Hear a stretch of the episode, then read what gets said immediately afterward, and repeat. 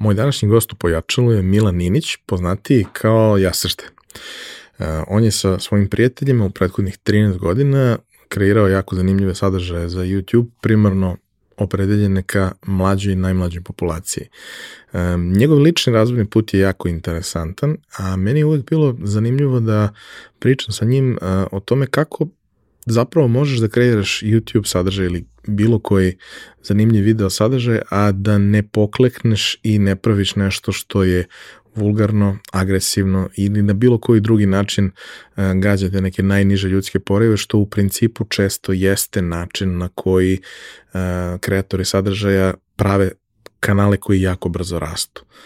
Uh, on je uz svoj kanal i svoju publiku i svoje prijatelje rasto, razvijao se i odrastao u ovih prethodnih uh, 13 godina i odrastao u jednog sjajnog momka koji danas uh, i dalje pravi dobar sadržaj, uh, radi neke zanimljive stvari koje su srodne i slične onome što, što je njegova strast, ali pokreće neka bitna društvena pitanja, posebno u tom odnosu između mlađe populacije, roditelja, nastavnika i tih grupa između ko, kojih postoji generacijski jaz i često nerazumevanje.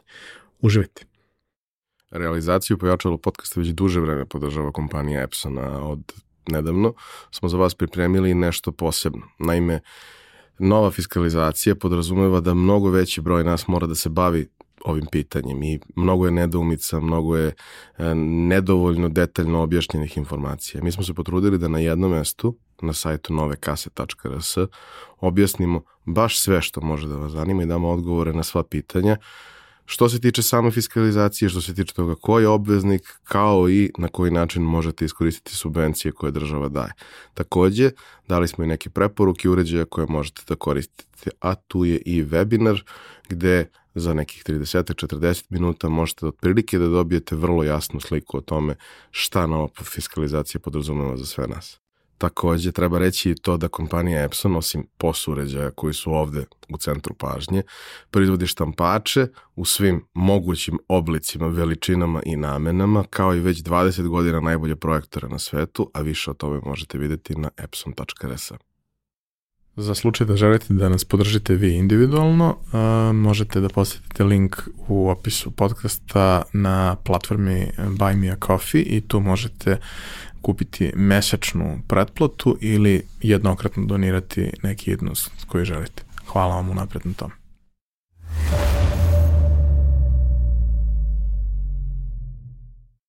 Milane, dobrodošao. Bolje te našao, hvala na pozivu. Uh, od starta kroz ovih 170 kusur epizoda uh, prošli su razni zanimljivi ljudi kroz podcast i njihove lične priče su svaka na svoj način interesantna, ali imali smo neke ljude koje bismo mogli danas da nazovemo kreatorima sadržaja.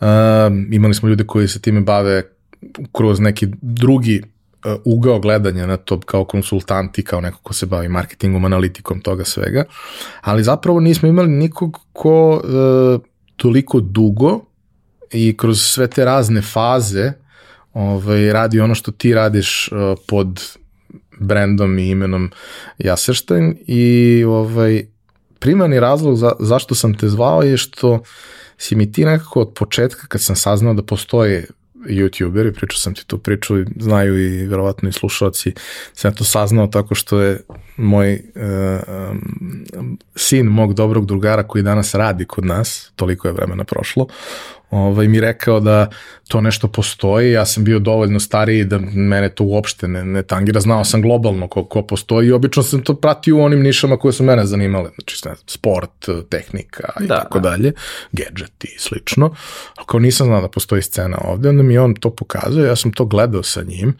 onako, tad sam se prvi put u životu osetio stvarno staro, baš, baš staro. I onda sam skapirao da uh, ok, postoje pojedinci koji rade neke interesantne stvari, postoje pojedinci koji rade nekakav edukativni sadržaj i tako dalje, ovaj, ali postoji ta sketch forma i postoji jedna grupica um, jako mladih ljudi u tom trenutku koji rade nešto veoma interesantno, ali uh, na, jednoj, na jednoj zdravoj bazi, u smislu da uh, i dan danas najlakši način da dođeš do neke veće publike je da radiš nešto što je vulgarno, agresivno, skandalozno i tako dalje, jer prosto uh, to najčešće i najbrže izaziva reakcije, a ako imaš reakcije onda imaš, gradiš neku vrstu publike, ali vi ste mi bili svetao primjer još tada da to može da se radi drugačije i da mogu da se pričaju neke malo drugačije priče i da se postavljaju neka ne baš jednostavna pitanja i da se, da se o njima priča i od tad i kad smo počeli sa podcastom ono, ja sam napisao taj spisak od nekih 80-90 imena i ti si bio na tom spisku od samog početka. Samo se nikako nije desilo da se uklopimo i ja sam u haosu potpunom, ti si isto tako u haosu, imali smo i koronu i onda sam gledao samo da ljude sa kojima znam sigurno da, da. će da budu ok da sedimo ovako, da ih zovem. I onda smo se nedavno ovaj, videli na, na konferenciji koju smo organizovali u, u Zrenjaninu i uh, skupio sam hrabrosti da te pitam da dođeš i ti si rekao da, da hoćeš, tako da hvala ti na tome. A uh, ono što bih volao da mi kažeš za početak, pre nego što krenemo hronološki, je ko si ti danas, čime se ti danas baviš? Ja sam Milan Inić. Ove, ovaj, pa i dalje, evo već 13 godina snimam za YouTube kanal Jasaštajn. Uh, nekako mi je uvek to u glavi, iako ne izbacujemo svakodnevno, nekad to bude svaki nedelj jedan video ili jedno mesečno, ali uvek gledam na koji način um, možemo da iskažemo to što hoćemo i koji neki vid komunikacije sad postoji. Isprobavamo i nove neke formate, ono vidiš je izašao YouTube Shorts, pa hajmo da vidimo kako možemo tu vrstu sadržaja da radim, da radimo, pa u ovom nekom poslednjem periodu sam dosta istraživao, a, šta je to što možemo na duže staze da radimo. Dosta sam je razgovarao sa ljudima van ove neke moje struke, razgovarao sa roditeljima, profesorima, mladima, da se ponovo zbližim nakon korone sa svim tim generacijama i vidim m, oko čega ćemo se fokusirati, koje su to teme koje ćemo da obradimo, ne samo jednom, nego da ostanemo tu da i dalje obrađujemo. Uh, pored toga vodim i društvene mreže ovaj, nekim firmama e, i tu sam i kao konsultant, tako da to mi je isto neki day job, ono 9 to 5 i ovaj, ali da, isključivo to jasrštenj snimanje i sad smo izbacili uh, nezvaničan film Biti taj lik, ovaj, pa uvek je taj neki balans između to nekog tradicionalnog medija i to nekog uh, online hustle što ljudi rade sad svakodnevno. Kako uspostaviti taj neki balans, pa time se bavim i eto, živim život u Novom Sadu. Uh, ono što je uvek tradicionalno već više od 100 epizoda od trenutka kad sam ja skapirao kako bi ovo trebalo da izgleda i šta ja ovde treba da, da radim. Ove, a trebalo mi neko vreme. Uh, tradicionalno prvo pitanje koje postavljamo je mančmelo pitanje. Šta ste da budeš kad porasteš? A, pa to je ono još od predškolskog što mi je palo na pamet da peram automobile, pošto sam volao da nas igram s vodom. Ove, te ono kao, a, imaš crevo, možeš da prskaš nešto i da ne uđeš u neku problematiku, ali onako baš da sam razmišljao o nekoj karijeri, a, samim dolaskom tih nekih muzičkih spotova u mom životu sam onako vidio, hoću nešto sa ritmom da radim i onda ono što imaš na klavijaturi neke prisete, tipa ono neke pesme koje puštaš pa miksuješ, uvek me je to zanimalo kako se može nešto novo kreirati. Uh, imaš jedno, imaš drugo, ja nešto treće da napravimo. Pa me uvek nekako to zanimalo. Uh, ono odrastao uz crtače Cartoon Network, Jim Carrey i sve te stvari koje te privuku kad si ono osnovno školac. Znao sam da ću nešto vezano za film, ali mi je stric uh, tu u osnovnoj školi uh, pokazao Adobe Premiere samo mi instalirao i onda sam, sam onako krenuo u to, snimao se s plišanim igračkama da naučim sebe da montiram. Tako da od tog momenta sam eto teo da budem montažer i da nešto naučim da izmontiram. Jer još tad mi je rekao, bolje da si montažer nego da se bašćeš sa opremom, uvijek ti treba neka nova kamera, novo svetlo, tako da taj savjet mi je dosta onako uticao na neki moj izbor šta sam sebi rekao tada čime želim da se bavim, da naučim da se izrazim, to je donekle, koji god da je to neki art form, ali montaža mi je uvek bila tu nešto primarno u glavi. A uvek postoji taj moment da ono, a, a loš materijal koji je dobro izmontiran uvek izgleda bolje nego dobar materijal da, koji je loše izmontiran. Da, da, da, da. Znači, ljudi često ne razumeju koliko to može da popravi ili upropasti nešto kad imaš jako dobro i, mm. i, i muzika i prateći sve da. audio deo kao Just. koliko može da unapredi ili da unazadi ono što, što da. imaš od, od da, materijala da, da. jer danas realno mislim svi mi u džepu nosimo dovoljno moćnu kameru da snimimo nešto da izgleda jako dobro. Ja. Ono, sa, sa nekog bazičnog tehničkog aspekta. A, škola. E, za svakog od nas, mislim, aj krenemo prvo od osnovne, pa onda ćemo da krenemo posle sa, sa Karlovačkom gimnazijom, koja yes. je vrlo ovako, ovaj, važna u tvom da. životu, ali i generalno, mislim, postoji razlog zašto ta škola mm. ima tu reputaciju koju ima u celoj zemlji. Ovaj, ali kao osnovna škola je neki prvi susret uh, svih nas sa nečim što podsjeća na ozbiljan život. Prvi put imaš neke realne obaveze, prvi put imaš neko nezavisno merenje kakav si u odnosu na, na sve ostale. Prvi put imaš mogućnost da u nekom uh, širokom dijapazonu stvari pronađeš sebe u nekim oblastima mm. i prvi put imaš tu obavezu da uh, i ono što te ne zanima i dalje moraš da učiš i dalje moraš da se baviš tim. Kako je to bilo u tvom slučaju? Ja sam ogroman kampanjac bio pre svega. Ono, malo se to odrazilo i kasnije na život.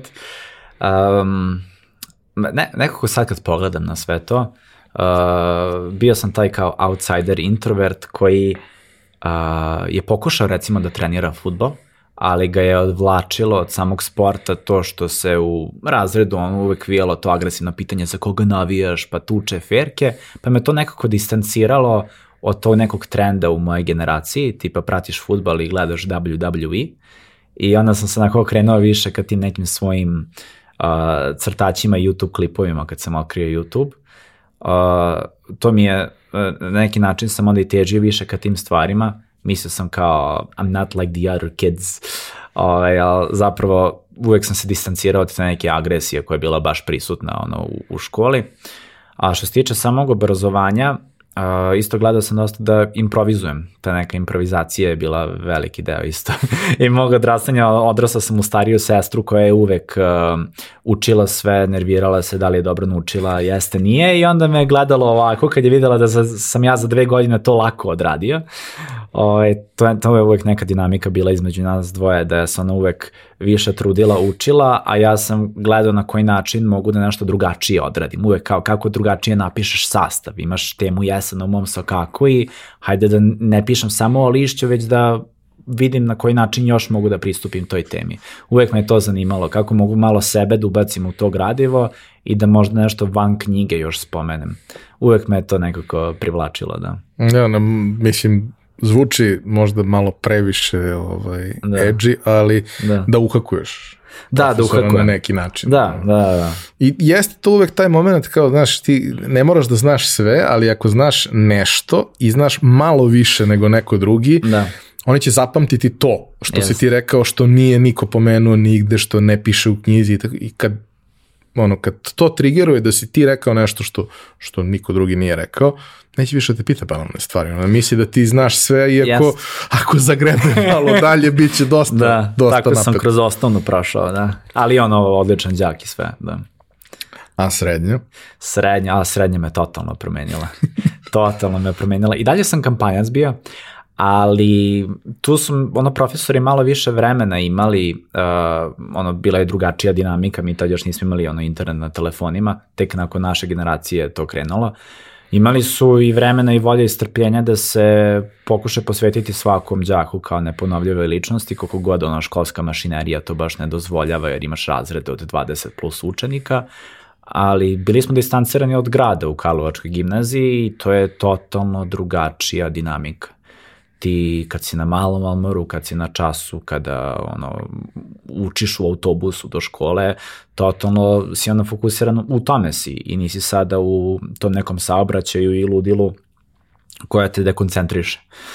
I dozvolili su nam, mislim ne dozvolili, stvarili su dovoljno bezbedan prostor da mi obrazložimo to što kažemo i da možemo ono da, da kažemo zašto to tako mislimo, da razvijemo taj neki svoj kritički stav, da nije sad e, bitno da li si nešto naučio, već da li ti to razumeš.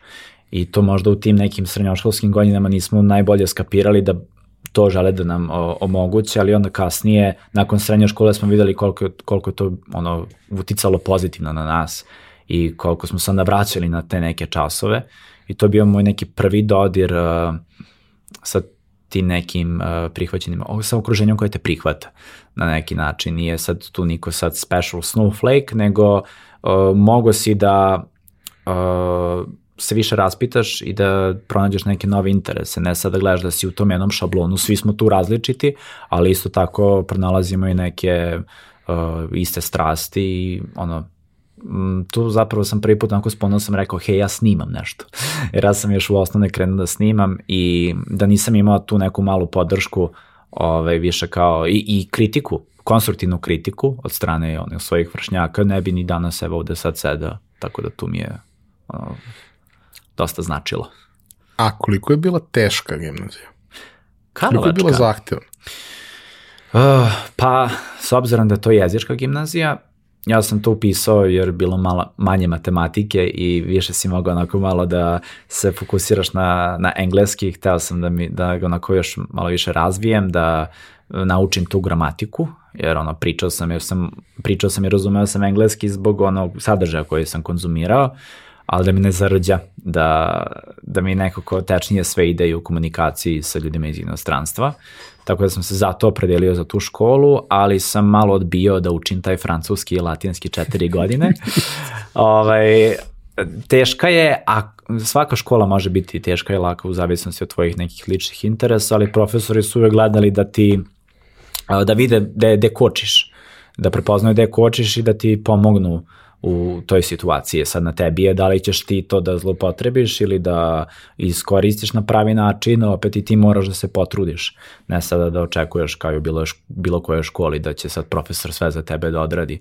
Ali nam je pomagalo to što smo na jezicima recimo bili odvojeni još na, na dve polovine, pa si onda recimo imao njih 12 na svakom jeziku i onda je bilo lakše uh, ovaj, lakše to neko učenje. Neko ne, i više vremena može profesor da se posveti manje upravo, su grupe, uvek je to, to negde bitna stvar. Upravo to. A koliko je uh, o samo okruženje u tom trenutku bilo stimulativno za sve te ostale nastavne i van nastavne aktivnosti koje si ti imao i sva tvoja interesovanja. I, da. da kažem, sa jedne strane, direktno okruženje tvoji uh, drugari, vršnjaci, malo mlađi, malo stariji i taj deo, da kažem, profesora i ostalih ljudi koji su učestvovali u, u, radu škole? Uh, pa tad još, ja mislim, profesori u srednjoj nisu znali da mi snimamo za, za YouTube, znali su da snimamo sadržaj, ali možda nisu znali da to postoji na internetu, sve dok nisam završio uh, srednju. A ja sam u jednom momentu čak snimao uh, daily vlogove u školi i to sam sebe malo onako učio da, da ispoštam neki raspored, svaki dan sam snimao unutar same škole i ovaj, dokumentovao taj neki ovaj, high school lifestyle. Uh, pa tu sam pronašao zapravo svoje prijatelje s kojim sam se osjećao onako komfortno da sa njima snimam i te neke unutrašnje šale smo zabeležili u našim jasaštem videima. Pronalazilo se vreme za sve, sve te van nastavne aktivnosti i škola je nekako uvek videla, e, ako si za muziku, pevanje, pisanje, uvek je postoje neki konkurs ili neki projekat gde su te onda slali i opravdali ti časove i nekako te povezivali. S ponosom su slali uvek svoje đake da, da predstavljaju i sebe i školu. Ovaj, I mislim, naravno uvek mora da ide neki mentor sa tobom, pa sam uvek dobio profesora informatike sa sobom kao mentora, iako je ono samo, znaš, prikačen profesor, ali ovaj, do, dosta sam i grešio u tom periodu i drago mi je da sam na tom bezbednom prostoru mogu da, da grešim, da bi ona kasnije mogao ovaj, sa malo većom dozom samopouzdanja da stupim i ove sve javne vode, da kažem. E, rekao si da je, da kažem, YouTube na velika vrata ušao u tvoj život još u osnovnoj školi. Da. Kao pre svega konzument tuđih sadržaja. Uh mhm. -huh. ovaj, I sad nekako mi se čini da je potpuno normalno i uobičajeno da u tako nekom uzrastu ti kreneš od oponašanja drugih ljudi. Ok, da, da možda da, da. ono, uzmeš nešto i dodaš nešto svoje u tu celu priču, mm -hmm. ali nije to sad nekakva ultra originalna ideja koju nikad niko nije realizovao, nego baziraš se na nečemu, pa onda kroz to tražiš neki Upravo svoj izraz tako. vremenom. A, koje su to godine? Pomenuo si 13 godina da si već aktivan. Da. Koje su to godine i ko su bili ti ljudi od kojih si se, uh, o koje si se očešao u tom periodu Da, da, ovaj, da. koji su ti bili inspiracije? Pa u početku meni uvek, uh, uvek mi je pažnju m, privukao neki video koji je sketch ili muzika, da je ono originalna muzika ili možda čak parodija na neku pesmu, tad su ono baš bile, bile popularne parodije, pored Weird Al Yan- Jankavika, ovaj, youtuberi su ono videli izađe Lady Gaga keša pesma, odmah baci parodiju, pošto ljudi vide prvo naslov pesme i tek na kraju zagradi parodi.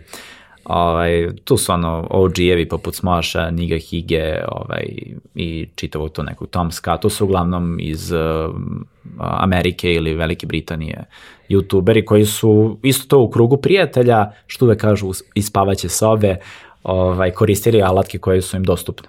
I to me nekako inspirisalo da mogu već da krenem da, da radim uh, na tim nekim videima, nevezano za to da li imam neku opremu ili ne. Uvek su svi akcentovali na YouTube od tih kreatora, nije bitno koju kameru imaš, nije bitno uh, da li je savršeno ili ne, već ovo je bukvalno prilika da isprobaš stvari i vidiš da izgradiš taj neki svoj stil. Tako da naravno prve te neke klipove koje smo radili, uh, sad kad ih pogledam, nije bila svesna kopija, već naravno to što vidiš, što ti se sviđa, gledaš da rekreiraš ovaj, s nekom nadom da je to opet nešto originalno.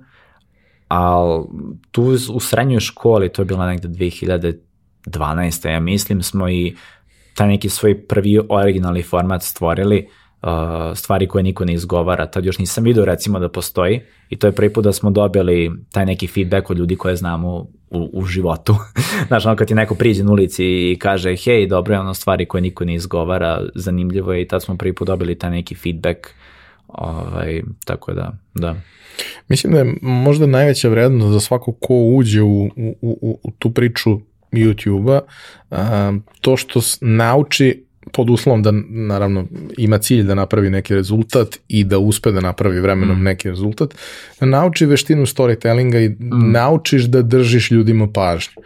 I yes. shvatiš taj moment da, ok, danas, 2022 zaista fantastične stvari možeš kupiti od opreme za jako mali novac u odnosu na to kako je to bilo nekad, ali i tada pre 10 godina si ti mogao dovoljno dobre stvari da u, uradiš opremom koju si mogao da kupiš tako što ne odeš na jedno letovanje ili malo duže spojiš neki rođendan, novu godinu, letovanje na jednu gomilu i od toga kupiš, kupiš neku opremu i to je izgledalo dovoljno dobro. I taj Jeste. moment gde kao YouTube te um, nauči da ne mora sve da bude savršeno upeglano, da neće niko da zameri ako imaš neki malo ružniji rez, ako je priča dobra, drži pažnju i sve ostalo, da ne mora svaka grafika koja, koju ubacuješ da bude najsavršenija nacrtana, to nije televizija, Da. nije film i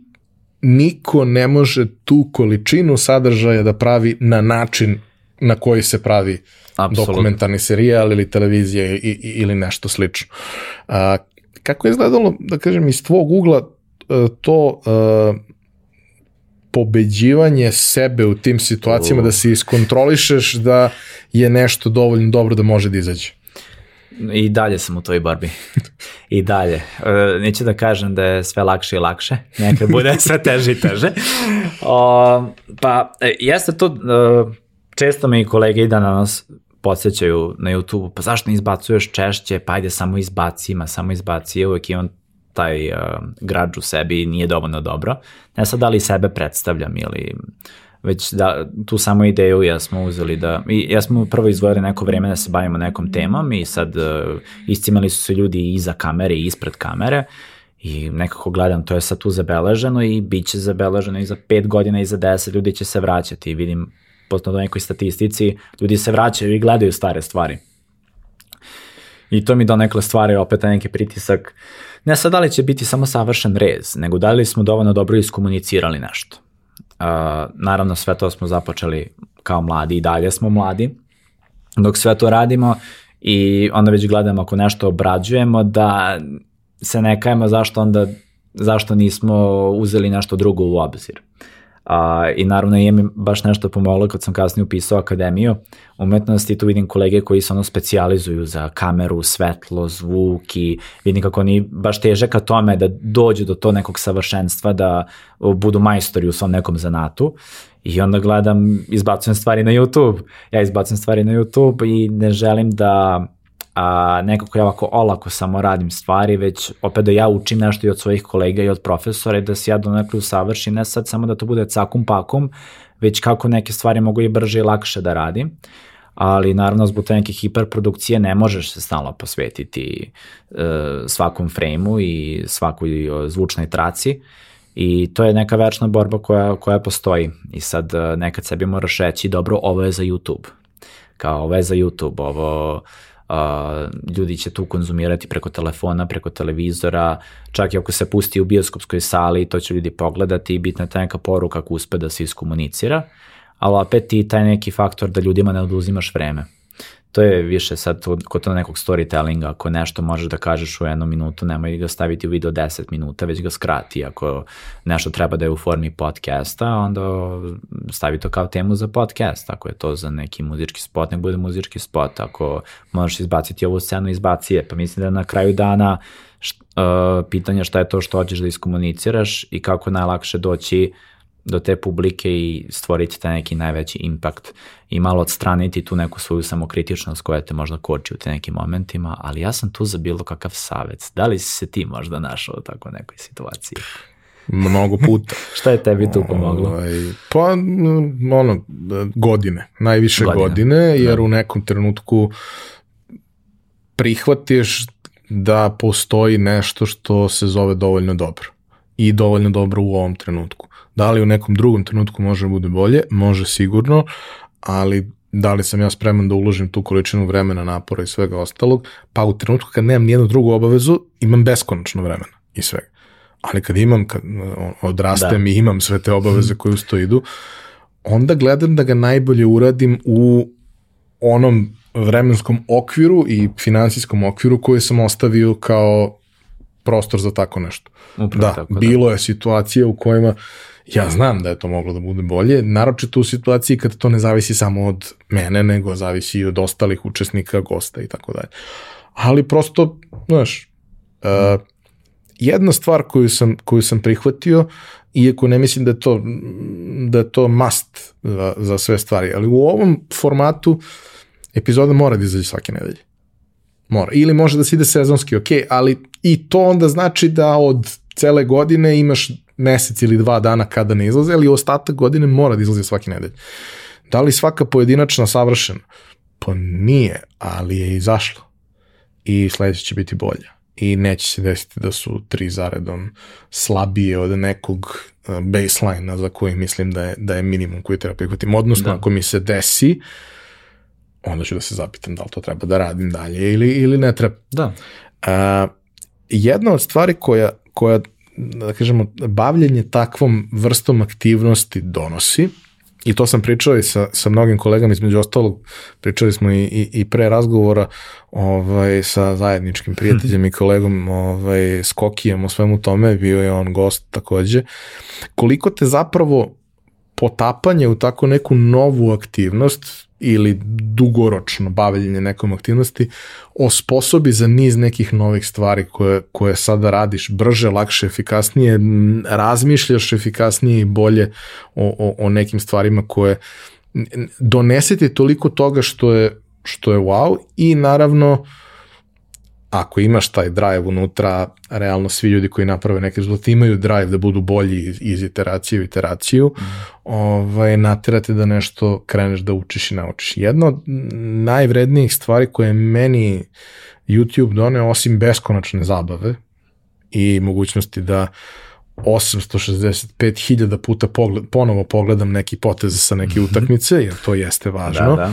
Ovaj, najvrednija stvar je zapravo nevjerovatna količina znanja koje je neko a, sakupi u svom životu, onda sintetizovao u nešto što traje 5, 7, 10, 15, 25 da. minuta i onda umesto da provedem a, dve nedelje istražujući nešto, neko mi to približi dovoljno dobro i onda mi konkretno pokaže kako to mogu da primenim i gomila stvari koje sam učio što se tiče dizajna i videa i svega toga, osvetljavanja, svega što, što je negde sastavni deo posla sam naučio na taj način. I to je počelo pre desetak godina, otprilike u isto vreme kada si ti krenuo da radiš. E, danas je toga mnogo više, mnogo je dostupnije, možeš bukvalno i, što, što tad recimo možda nije bilo slučaj u tom obimu, ali možeš da se nakačiš na nekog autora i da pratiš sve što on radi i da bukvalno prođeš fakultet sa njim. Apsolutno, da. Ovaj, a tad si negde morao da pojedinačno juriš stvari koje te interesuju, ali to mi je jedna važna tema. Kako zapravo u tom periodu uh, ti savladavaš i učiš nove stvari koje su ti potrebne. Uh, meni je fascinantno, ok, ti krenuo si faktički potpuno samostalno, onda se formirala ekipa i sve što ste, meni je fascinantno da ste vi da kažemo, relativno rano i, i veoma mladi napravili dogovor ko se čime bavi, imali organizaciju, to plan snimanja. Nije to sad ne izgleda to kao produkcija da. ozbiljna, ali postoje, brate, podela obaveza i sve što usto ide. Nije palo s neba, na neki način je do toga došlo. Kako je do toga dolazilo i kako si se ti od trenutka kada si rekao, ok, ja hoću nešto da izrazim, kako si se usavršavao da pored toga što ti imaš tu potrebu i umeš to da uradiš na kraju dana. Pa uvek je drugačija dinamika u zavisnosti od toga šta, šta snimamo. Sad uh, gledam da budem jednako iza kamere koliko moram da budem ispred, ovaj, ne zato što želim da budem ispred kamere, jer uh, više me zanima to behind the scenes što se dešava, ta kao koordinacija kolega iza kamere, zvuka i montaža, sam editing. Um, uvek volim da taj, taj final touch dam ja ovako u, u editingu, uh, ali uh, drago mi je da sam upoznao kolege koji, eto, uvek zovem isto kolegu Lukasa Zvuka, svi ga znaju Lukasa Zvuka, ovaj, koji dolazi u naše snimanje kad snijemo tako baš uh, full on skečeve van ovog što se direktno obraćam, obraćam kameri. Uh, gledam uvijek da zovem neke kolege koji imaju tog vremena da usavršete neki svoj zanat i daju neke svoje predloge. Evo mogu dati primer muzički spot Ćeliju koje smo sad radili, to je nešto najpribližnije toj full produkciji koju smo sad imali i neka pre-production faza koja je trajala mesec, dva, od samog e, smišljanja pesme, izučavanjem učbenika, izučavanje učbenika iz petog razreda, e, šta je to ćelija, ćelijske organele, citoplazma, ćelijska membrana i nekako smo se dob, dobro koordinirali što se toga tiče. Bio sam prisutan u svakom tu nekom segmentu. Uh, moj kolega Bo, Boćo koji je pisao tekst je otišao, nabavio sav materijal uh, za istraživanje, zajedno smo seli i videli koji bi bio zanimljiv koncept, tako da sam taj brainstorming period mi je najbolji u čitavom ovom, ovom iskustvu, što nebitno da li je sad neko snimatelj ili uh, asistent u montaži, da svako da neki svoj predlog i da onda tako dođemo do nekog end rezulta. Uh, dođemo do te neke ideje i te neke strasti i tu onda dolazi do tog nekog uh, kontaktiranja ljudi koji su nam isto uvek dostupni u Novom Sadu, imamo osnovne škole sa kojim sarađujemo, u kojim uvek snimamo, imamo decu s kojim isto snimamo, tako da do to nekog planiranja je došlo vremenom kroz godine kad smo istekli poverenje i to neku saradnju sa raznim ljudima koji su uvek tu da s nama iskomuniciraju tu neku ideju, a to je da olakšamo da li školske lekcije ili međuljudski odnos među, među mladima. Um, uvek gledam da sam prisutan i ja u tom procesu snimanja, kada se postavlja kadar, kad se crta storyboard, uh, kad se gleda koji će palet biti za color korekciju, jer nekako želim ja sve te neke stvari da uh, ne sam nužno naučim da mogu samo, uh, sam da to sve ispoljim, već da vidim kako ja onda mogu da olakšam taj posao ljudima u priprodukciji. Tako da samim tim što se bavim montažom i što sam navikao na neku da, dinamiku sa kolegama na filmskom setu ili na setu za ispitni film, mi je jednostavno to sve prirodno kako, kako komuniciramo i uvek je ta neka improvizacija jer desi se pogotovo kad radiš sa mladima, sa decom, desi se neko se razboli ili ne može zbog škole ili lokacija je otkazana i uvek gledamo na koji način možemo da, da se tu adaptiramo. O, ali najveći procenat jeste u, u samoj montaži. To je ove, to su nedelje, nedelje u editing roomu. Ali da, ne znam, sad sam otišao na, na sve strane, jer teško je opisati bilo koji naš snimajući dan, jer uvek varira, uvek je drugačije. Nekad uh, nemamo recimo budžeta ili nemamo uh, trenutne mogućnosti, da li to pod koronom kad smo recimo bili, pa na kraju one man band ponovno da se radi, ali to nam je nekako i opet i drago kad čak nekad koristimo našu stariju opremu, čisto da dobijemo taj neki mali šmek uh, ranijih klipova što ljudi isto tako traže. Pa, ima taj moment m, koji, pomenuo si to negde ovaj, mm. sa, sa kolegama sa fakulteta, gde naravno postoje ljudi koji pronađu svoje interesovanje i usmjerenje i žele da budu najbolji u nekoj konkretnoj stvari, da budu najbolji zupčanik u nekom procesu, mm. ali postoji potreba i ono, ok, to je, kažemo, specijalista i generalista u nekoj uh, podeli, postoji potreba za ljudima koji su generalisti, koji razumeju širu sliku, mm. razumeju ulogu svakog od učesnika u svemu tome i u principu vrlo često mogu i da zamene svakog od učesnika ne dovoljno dobro, mm -hmm. Odnosno ne idealno, ali dovoljno dobro u datim okolnostima. Ovaj, ja kažem često i, i kad sam ovaj, klincima predavao i tako dalje, nije poenta u tome da ti treba da naučiš da radiš taj posao. Poenta je da naučiš dovoljno kako taj posao funkcioniše da bi mogao da daš dobru instrukciju, da bi znao e, šta da tražiš. Jer ako ne znaš šta da tražiš, to ćeš i da dobiješ. Upravo to, da. ovaj, uh, hoću da te vratim malo nazad, mm. pomenuo si uh, koliko je, da kažemo, srednja škola za tebe bila značajna i to okruženje koje si imao, uh, da prvi put nekome uh, u tvom okruženju, dakle ne u tvom web okruženju, nego u tvom realnom okruženju kažeš, e, ja nešto snimam, evo, pogledaj i tako dalje. Kako je izgledao taj iskorak i kako je izgledalo to da kada kreneš da snimaš kreneš da dobijaš nekakve povratne informacije od ljudi koji to gledaju, prate, koje ne poznaješ, ali čak možda u nekim situacijama i ne želiš taj feedback, ali on da. neminovno da. dolazi zato što postoji publik. Da. Kako je to sve izgledalo? Jer kao, uh, ti si introvert da. vrlo funkcionalan i nikad to ljudi da. koji te gledaju ovako sa strane, a ne znaju kako funkcionišu mm. introverti, ne bi to mogli da kažu tek tako, ali mislim ljudi koji imaju slični e, sličan da. problem se do, dosta dobro razumeju i kao tebi prosto takve stvari nisu prirodne kao ni, ni meni naviko si se I ja sam se navikao jer kao 10 mm. godina kasnije ne možeš baš da se svaki put preneražavaš kad ti neko priđe na ulici da. i prepoznate. Ovaj, ali kao kad to kreće, mm. to je veliki šok. Svaka vrsta feedbacka je šok, posebno što ti radiš sadržaj koji je za mlađe, dosta mlađe, a njihove reakcije su često neodmerene i neumerene. Oni Jeste. ne umeju da izvagaju šta treba da kažu. Oni nemaju taj ono potencijometar da malo spuste, nego da. ako su oduševljeni, oduševljeni su više nego što možeš da zamisliš i sutradan su zaboravili. Ovaj, ako im se ne sviđa, reći ti da. svašta da. u tom procesu. Kako je to izgledalo? Dakle, mm. online feedback i offline prvi put kada si imao neku vrstu eh, reakcije povratne. Pa ono što je meni nekad jedno koji što se tiče tog i online i offline s tim da taj offline čuješ sa par decibela glasnije, ovaj, jeste što praksom, mislim tim nekim iskustvom, nekako sebe a, naučiš da podsjetiš u toj situaciji kada pročitaš neki feedback ili ga čuješ, vidiš ga, da, da se podsjetiš da ne uđe svako u tvoj video ili u tvoj sadržaj u istom periodu života. Uh, neko možda ima prvi kontakt s našim kanalom na našoj desetoj epizodi, iako gledamo da je svaka, svaki video da je dostupan, ne moraš da gledaš devet epizoda ranije da bi shvatio šta je u desetoj.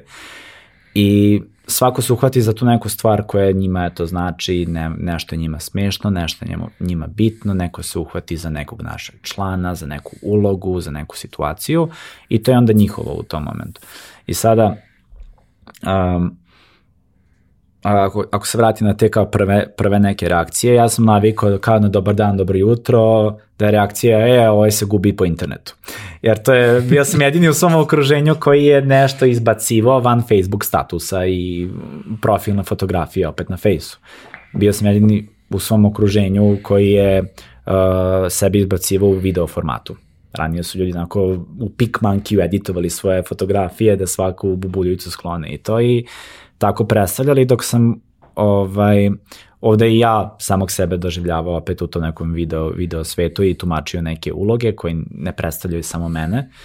I navikao sam na te neke kritike, opet na to dobro jutra i to neko napastovanje, da li verbalno ili fizički. Uh, tako da mi je bilo stvarno osvežavajuće kako god je neko i dao i konstruktivnu kritiku pored te repeticije, e, ovaj se gubi po internetu, kad neko možda kaže, hej, uh, mogli ste malo više da poradite na ovome, ovo je malo iritantno i tako neke, čak taj feedback koji sam dobio uživo u komentarima mi je bio od velike pomoći, jer da, jasno mi je, mi smo u tom momentu bili u tom nekom hiru i tako je to zabeleženo, ovaj, sledeći put što i sam kažeš ćemo naravno drugačije, jer vidimo i mi sami kad je to sad izašlo i kakav feedback je sve to stvorilo, ali uh, u pogotovo uživo komunikaciji sa ljudima koji su dolazili na naše okupljanja još 2000 13. ja mislim da smo tako pravili okupljanje u, kod spomenika Svetozara Miletića i došlo su samo uh, tri dečaka iz Bačke Palanke. Niko nije došao iz Novog Sada, nego tri dečaka iz Bačke Palanke su došla.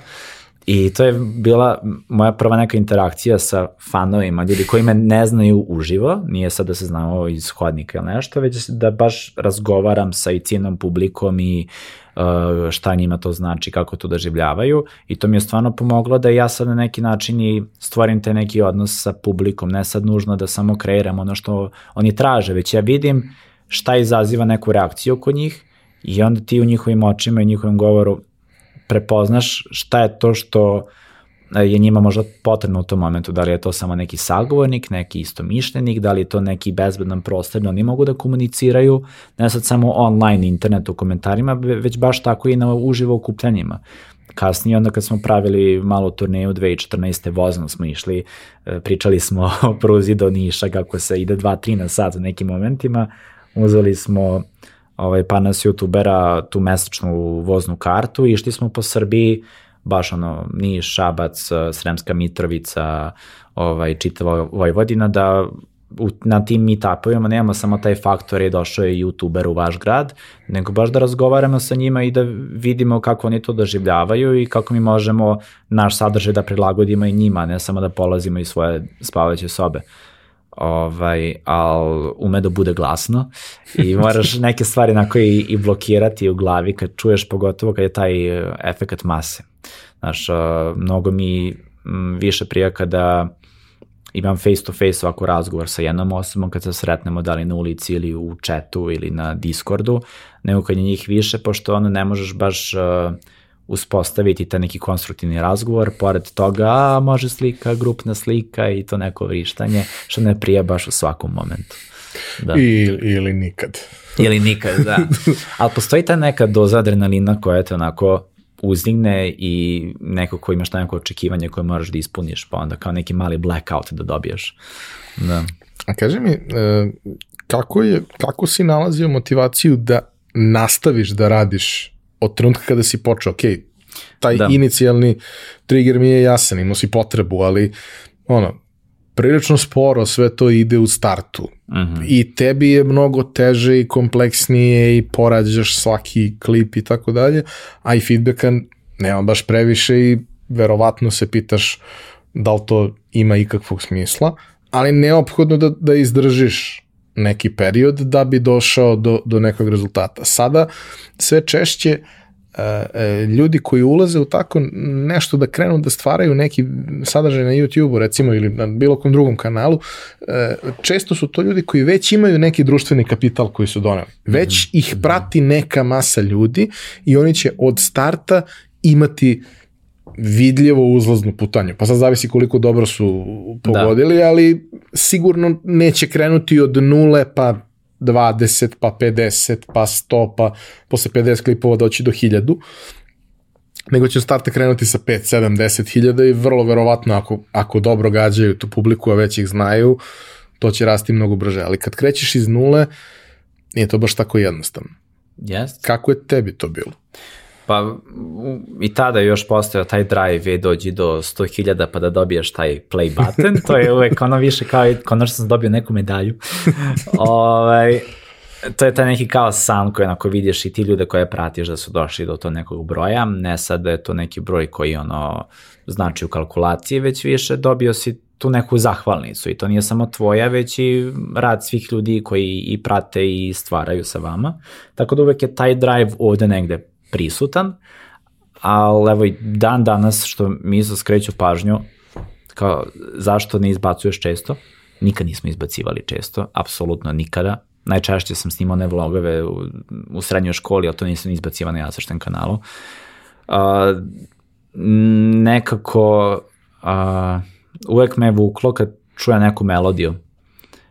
Šta god da sam snimao, pogotovo u tim nekim ranijim videima koji su sad i na private zbog copyrighta, jer koristio sam uh, instrumentale, ono koji su postavili tad na YouTube-u, upalim bukvalno muziku i kroz neke instrumentale mi se rodi neka slika ili kroz tu jednu scenu uzem i kreiram čitav, čitav video sa, sa drugarima. I to me, to me jednostavno vuklo. Vidim kako od jedne stvari mogu da napravim nešto, nešto drugo.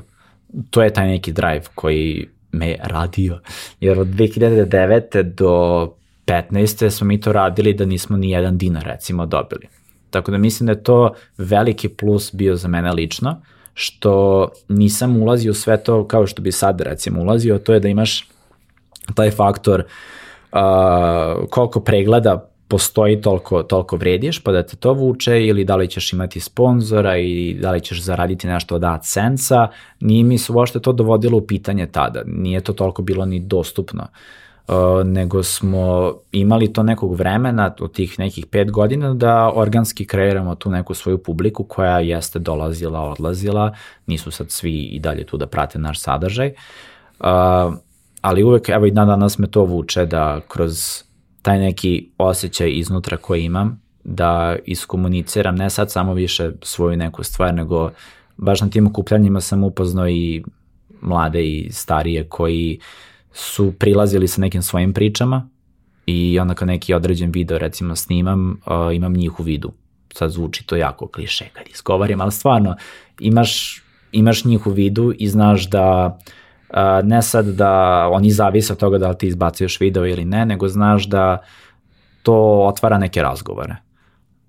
I to meni ima tu neku pravu vrednost da pokušam da negde olakšam nečiju okolnost ili da nekom stvorim komfort zonu, ne sad samo beg od realnosti, dosta tako definišu uh, YouTube sadržaj i ono beg od neke realnosti, ne, mislim tu tu je da neke stvari i naučiš, nismo mi sad samo neki nužno help sadržaj, postoje ljudi koji rade i recenzije, i instrukcije, tutoriale, ali da gledamo da taj edukativni isto deo ubacimo u sve to i vuče mi to što sam svaki put nešto novo naučio. Sad u ovoj godinu dana sam naučio kako da držim radionice sa mladima i to mi je ogroman plus da sam ja doživao neki svoj vaskrs, ono kao wow šta, šta je sve ovo što e, zapravo čini jedno, jedno predavanje. Uh, Tako da kroz ove godine sam uvek nešto novo naučio, ono, od 2015. kako je to rad sa brendovima i agencijama, pa znači za taj period, kako je to napraviti festival u Sava centru, kako je to napraviti svoju turneju, kako je to napisati knjigu, kako je to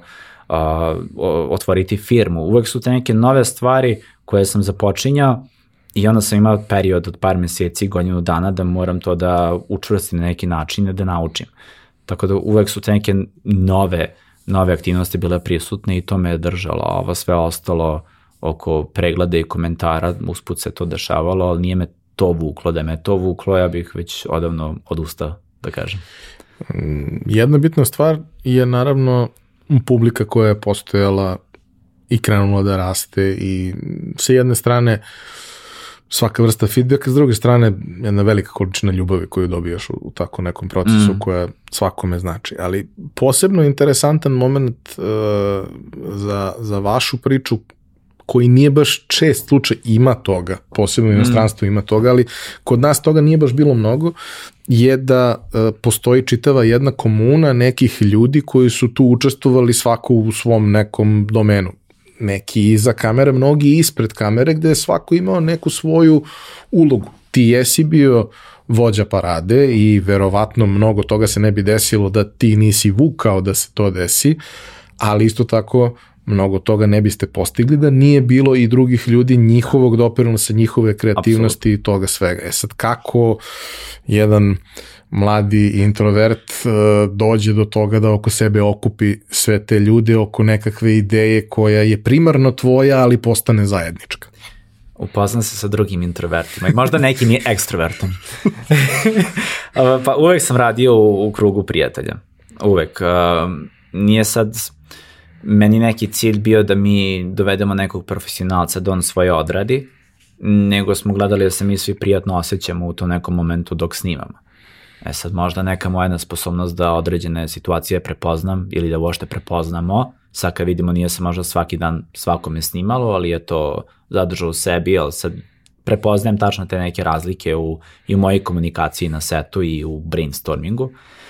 Uh, upoznavanje drugih introverta, ja sam eto to 14. 15. upoznao i drugi youtubere, to je ono bilo kao postoje drugi, yes, kao to.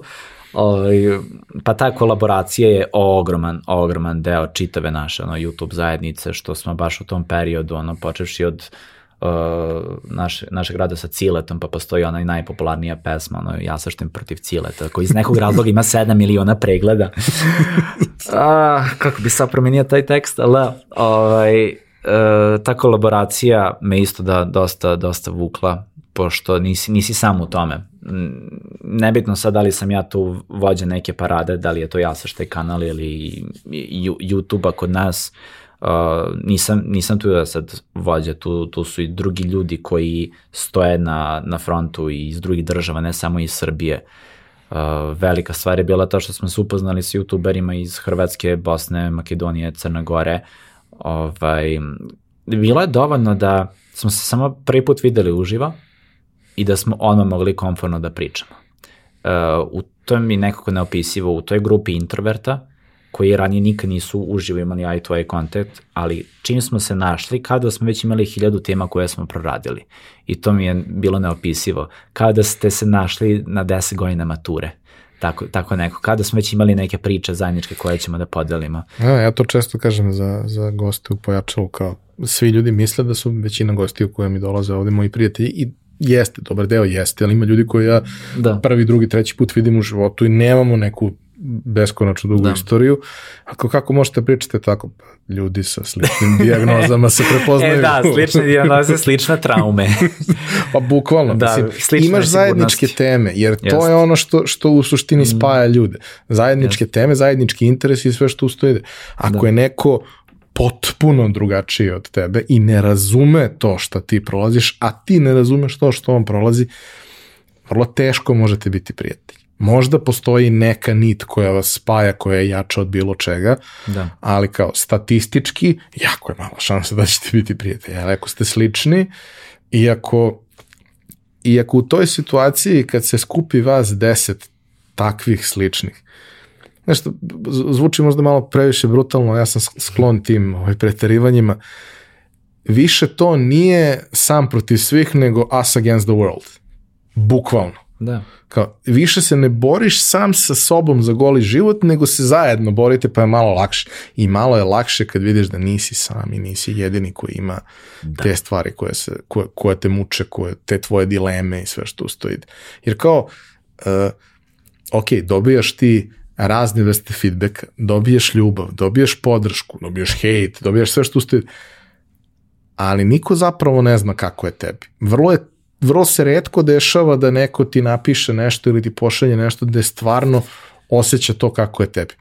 To prvo vrlo mali broj ljudi uopšte razume mm. i šanse da se preklopite, poklopite i da on to razume iz nečega gde ti u tvom slučaju glumiš u nekom da.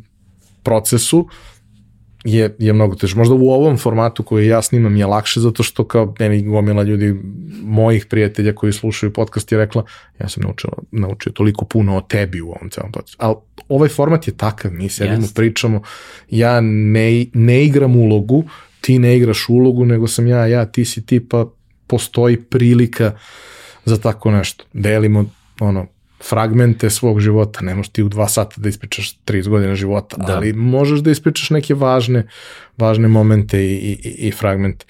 A, kako je uopšte došlo do toga da, da se vi upoznate? Rekao si kad je to bilo i da je to suštinski relativno brzo došlo na nivo regiona i da ste, ali Da. otkud uopšte inicijativa koja je to pokrenuo, kako je do toga došlo? Pa prvo smo se u okviru samog Novog Sada nas par uh, upoznali putem YouTube inboxa, kad je YouTube još imao inbox, da, nisam imao Facebook tad, nego idemo YouTube inbox koji će da živi, kao što vidite. ovaj, I bukvalno smo se našli, hajmo da snimamo zajedno, to ono Marek, Igor, Valenti, ta, ta ekipa koja i dan danas onako gledam to ono kao the founding fathers of YouTube i uvek, uvek pitaju kao zašto vas ima toliko u Novom Sadu? Znaš, uvek, uvek bude to postavljeno pitanje, ali izaš ga, na, našli smo se tu, a moje prvo ono neko o, poznanstvom van Novog Sada, pa tako se reflektovalo i sve ostalo, kako smo se upoznali, publika nas je upoznala. Meni je na Facebooku, u Facebook grupi neko napisao, hej, ja Saštajn, ima ovaj sjajan, sjajan youtuber, srpski tutoriali, cile, uh, pišimo, ja mu pišem i tako smo onda uradili jedan koleb, ono kao, e, hoćeš da mi gostuješ u video, da nešto pročitaš, pošalješ mi materijal. I više ta neka želja da, hej, baš da publika vidi, e, tu smo, komuniciramo, nije neko rivalstvo, to je bilo bitno da iskomuniciramo s publikom, jer svi su nekako doživljavali to kao, e, ovo ima ovoliko subscribera, ovo je ovoliko, ali ono čim su videli, mi smo dve osobe, tri osobe, četiri osobe koje zapravo žive na planeti Zemlji, koji žive u istom univerzumu i pojavljaju se jedan drugom na kanalu, tu se onda ta neka sloga pojavila, da kažem, i ta neka zajednica se oformila, pa smo onda u par navrata pravili baš takvo okupljanja po parkovima, Novi Sad, Beograd, Pančevo, Cile iz Pančeva, pa uvek smo i Pančevo tu bacivali, o, pa je Cile napravio jedan veći skup gde je zvao i više youtubera, sad će biti Pa to je bila 2014. godina, to je ono, završilo po novinama, to tačno vidiš kad novine krenu da pišu, onda ovaj, kao da je ušao u taj neki mainstream media. I onda sam došao, došao na ideju, mislim da pitam ovaj, Cilata, hej, hoćemo možda da napravimo neko okupljanje kod nas da nije samo u okviru parka gde moramo da prijavljamo policiji, ovaj, ili da se ljudi gaze, jer bilo je nenormalno to kontrolisati kad krene okean upravo tako, izvinjam se, kad krene okean mladih, da organizujemo kod nas ne, neki festival, jer znam da u inostranstvu je postojao Vitkon. Pa onda smo uključili i drugi ljudi u tu priču, potpisali kao ko-autori, ovaj, dosta sam neiskusno ušao u čitav taj proces, ali to je više taj neki kao hir koji krene, ajmo da napravimo ovo da bude bezbedno, da bude showcase ljudi ne samo iz Novog Sada, Beograda, već da vidimo sa Balkana da napravimo, pa smo napravili Balkan 2 Fest, išao sam dva puta u LA i tamo baš na Vitkon da vidim i kako tamo funkcioniše, pa upoznao se sa svim tamo tim kreatorima, organizatorima, pa gledao to kod nas da donesem ovde. Pa jedan taj prvi veći festival jeste bio Balkan 2 Fest 2015. tu u Seva centru, gde ono je bilo neopisivo haotično koliko ljudi je došlo i nismo možda očekivali takav uh, ovaj, odaziv ljudi. I pa 2015. i 16. sam radio tu na festivalu i na čitavoj kreativi, pa sam i izašao, pošto je već bilo van, van moje kontrole. To je bukvalno ušlo mašineriju. E, inače, taj ovaj, moment uh, klinja koji mi je rekao da vi postojite 2010. Da. 11. 12. 2015. na tom festivalu vodio program. Vodio je on program. Da, da, on je da. bio voditelj tu. Jeste i upoznat ćeš ga posle. Mislim, Stvarno. vidjet ćeš ga posle. Joj, onda se sećam Stampeda koji je bio na main stage-u tada. I ja sam da. video, ja, ja sam video snimke i video sam fotke i Da, to je, to je da. bilo nadrealno. I meni je, znaš, potpuno ono, mislim, Da. nisam ja sebe doživljavao toliko matorim u tom trenutku, imao sam Da. 30 godina. Da, da. Ali kao dešava se nešto za mlađu publiku, ne Mhm. naj, najmlađu, nego tu neku publiku recimo od 9 do 10 do 15, 16, 17 godina u Beogradu ja nemam predstavu da to postoji. Yeah. I kao dešava mi se na, na 500 metara od gajbe. Ja nemam predstavu da to postoji. Kao dobro, doći će tamo neki ljudi. Ne, ne, ne, bit će, bit će 5000 dece. Ono kao, Da. zovu ljudi, jel znaš neko ko može da završi Karta, karte? nešto, dobro. da, rasprodalo se sve. Kao, Da. brate, ne, ne znam. Ovaj, ali dobro. Uh, e sad, taj moment koji si pomenuo, dakle u tom nekom periodu suštinski, uh, za sve vas to je hobi, obaveza, vrlo ozbiljna obaveza čim je došla na neki nivo i očekivanja ljudi, publike i mm. tako dalje, ali, ali hobi. Da. Suštinski tu nema novca. U kom trenutku uopšte uh, ulazi novac u celu priču i šta to negde menja, jer i ti si porastao umeđu vremenu. I više nisi onaj klinac koji ima svo slobodno vreme ovog sveta i treba mu nešto u što će da se usmeri i čime će da se bavi, nego kao, ok, imaš ti sad nekog vremena i sve to u redu, ali jeli, treba od nečega kisela voda da se kupi i sve da. što uz to ide i na neki način treba sebi da opravdaš energiju, vreme i sve ostalo i svoje i ljudi koji su uključeni u taj proces. A financije su pod znakom pitanja.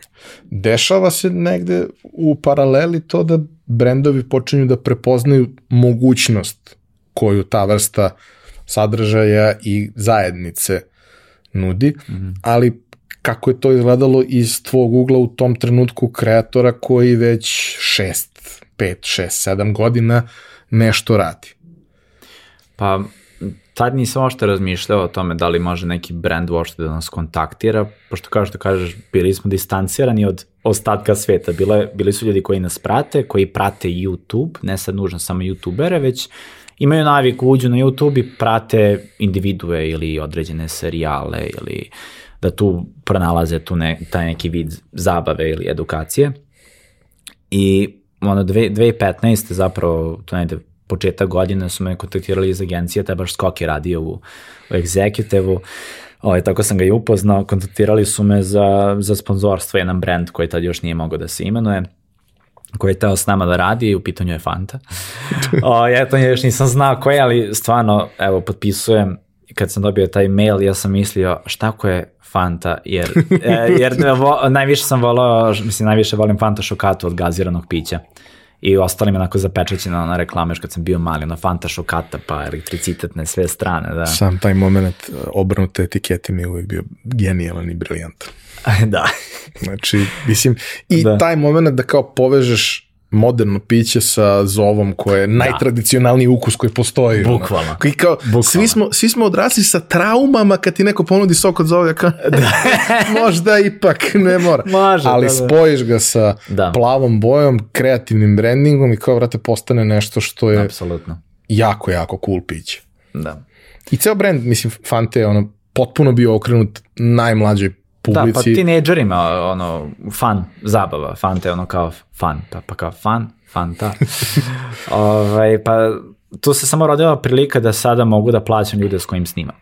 Znaš, snimao sam ono u grupi prijatelja i svako nas je tada i dalje išao, ja mislim, Pa tad sam stvari krenuo na fakultet, da, ali ono, imao si te neke dnevne obaveze, pored toga ovo u slobodno vreme, kao koji sport treniraš, hej, snimam, montiram, još neka ovako van nastavna aktivnost stvorila se prilika da imamo zapravo budžet da uzmemo neku opremu. Jer recimo kad smo snimali tu pesmu Ja srštim protiv Cileta, ja nisam imao 100 evra da uzmem Zoom H1 mikrofon ili bilo šta, nego sam dolazio u Pančevo, kupio busku kartu, odem do Pančeva da kod Cileta snimamo, jer on je bio jedini za koga znam da imam mikrofon.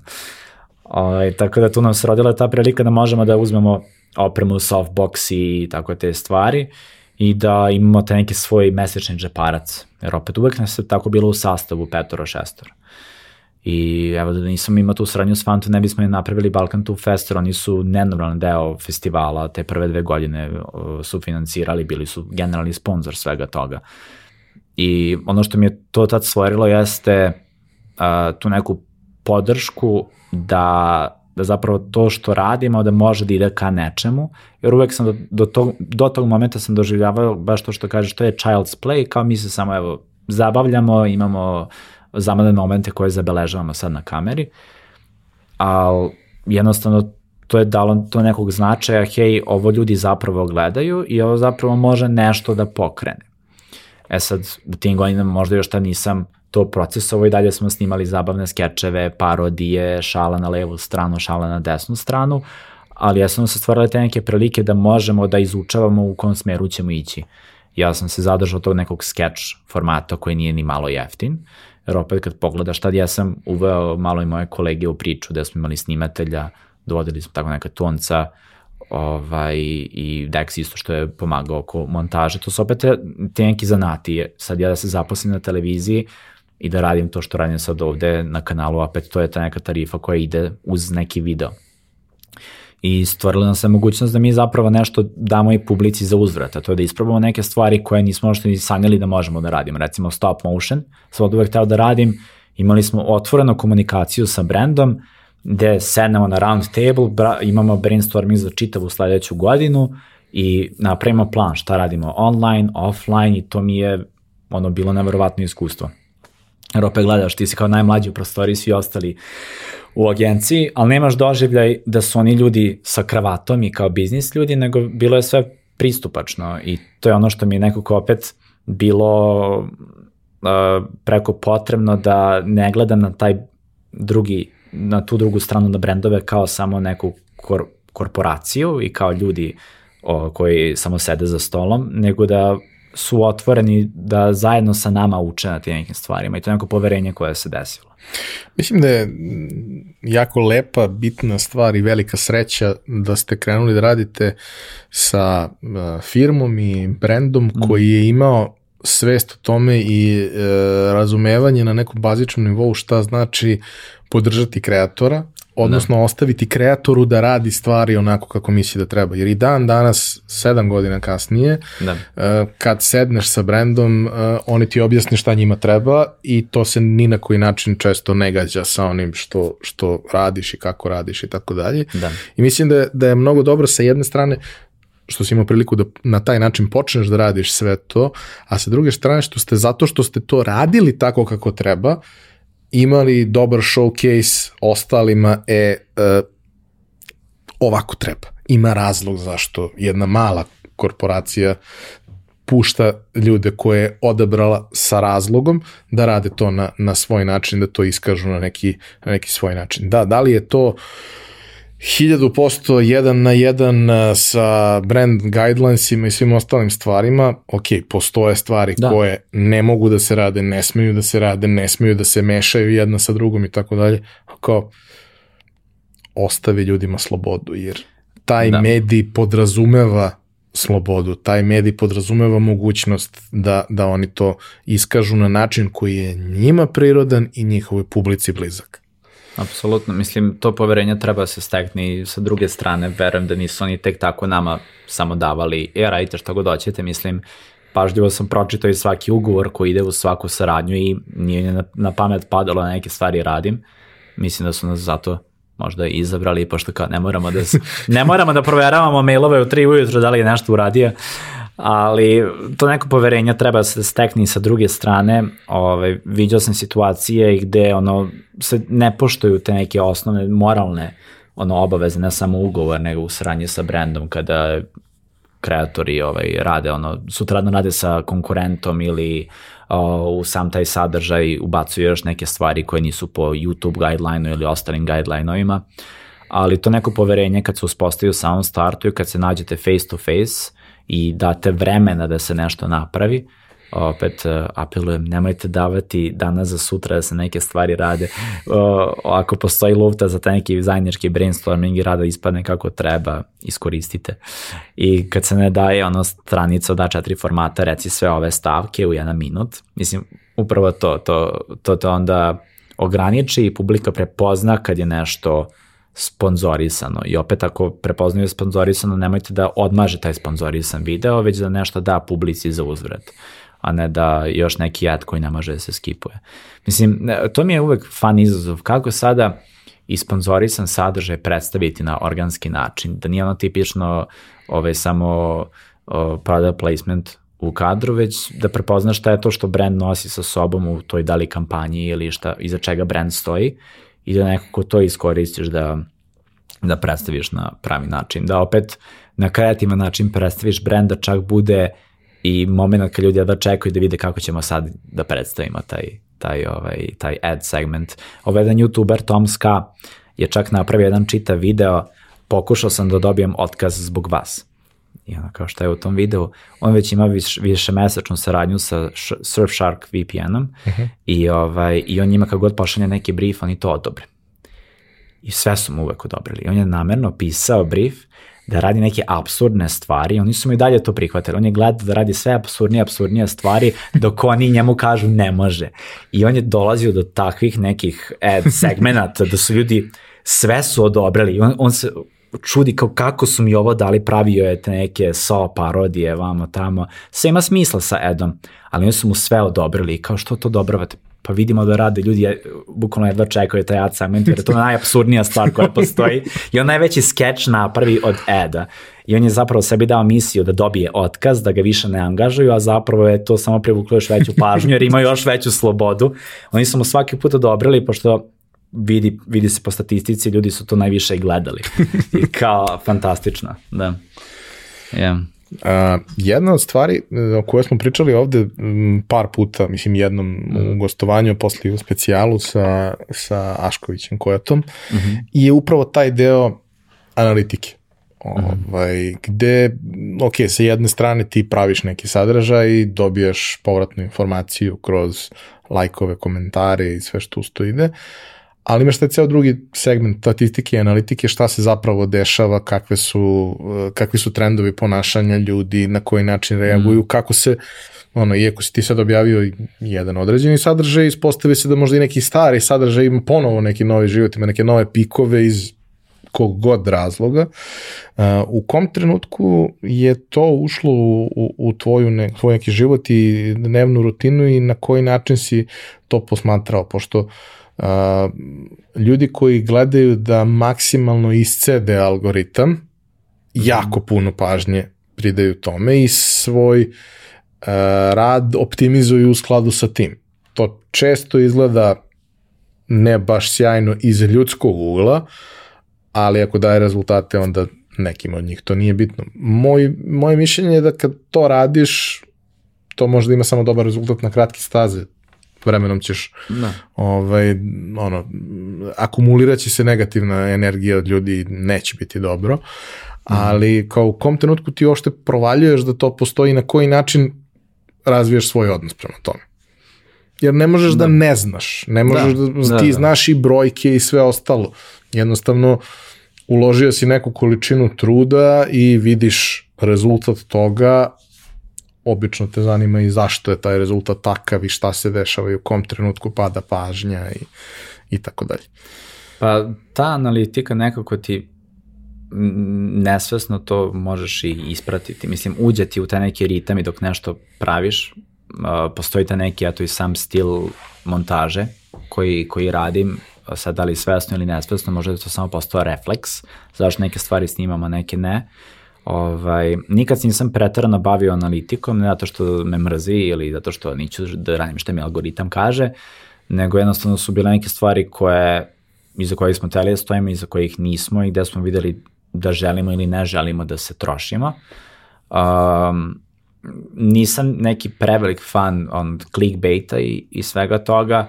Uh, ja zapravo sve svoje thumbnailove pravim u Adobe Premiere-u kad završim eksport videa kad završim eksport i kada se uploaduje, ja imam tih par minuta da izaberem neki frame iz videa i samo ubacim tekst i to je to. Ja najmanje vremena, to nije uopšte dobra taktika, ne savjetujem da to radite, a to je neki, neki gag sa samim sobom što imam. Kao, e, bila bi fora, da. I onda kasnije nekad možda malo promenim, ali gledam da je, da je pre, pre svega prepoznatljivo to što mi radimo, da se po tom thumbnailu i naslovu vidi da ljudi znaju da smo to mi, jer opet u tom okeanu sadržaja Uh, najveći stres je da li je to što si radio, sad išao tip algoritma ili ne, da li će to samo da potone.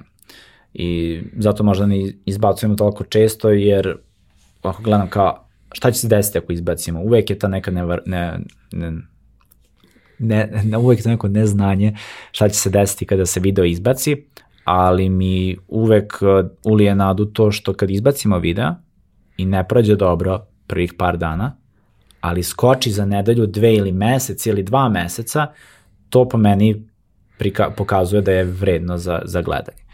Ovaj, često sam na predavanjima tako slušao, obratite pažnju prvih 24 sata kako napreduje video, da, slažem se, ali da li će biti gledano i za nedelju dana, da li će biti gledano i za mesec, da li će imati taj replay value, ja se više na to fokusiram. Sad naravno, svaki put kad smo napravili video na temu škole, to je gledano za uvek. Mi evo video, nema biti taj lik škola, koji smo snimili 2016. godine i dan danas mesečno minimalno dobije 40.000 pregleda. Minimalno. Neka bude po 100.000. I to onako pokazatelj je da postoji interesovanje za tom temom i da nešto tu ok radimo u samom formatu. Pa smo napravili serijal Nemoj biti taj lik i to postoji taj neki šablon po kom radimo. Postoji intro, postoji, imamo te neke catchphrase-ove koje koristimo, to je da ljudi čisto znaju šta je to što gledaju, da znaju, ušao si ovaj serijal koji ima taj format i tako će izgledati. Uh, gledam da opet publika samo može da izabere šta će da gleda, a ne da vidi neki mali snip, sneak preview prvih par sekundi koji izgleda kao neki highlight i onda imaju 15 minuta b-roll footage-a nekako ne, više ka tome težim. Kad da. gledaš film pa pogledaš trailer i onda shvatiš da sve što pa je to. bitno u filmu se desilo, se desilo na traileru to. i uopšte nisi morao da ideš da gledaš. To je baš onako najveće moguće razočarenje koje možda imaš ono da. u bioskopu kao, kao da. iskustvo. I ne treba ga...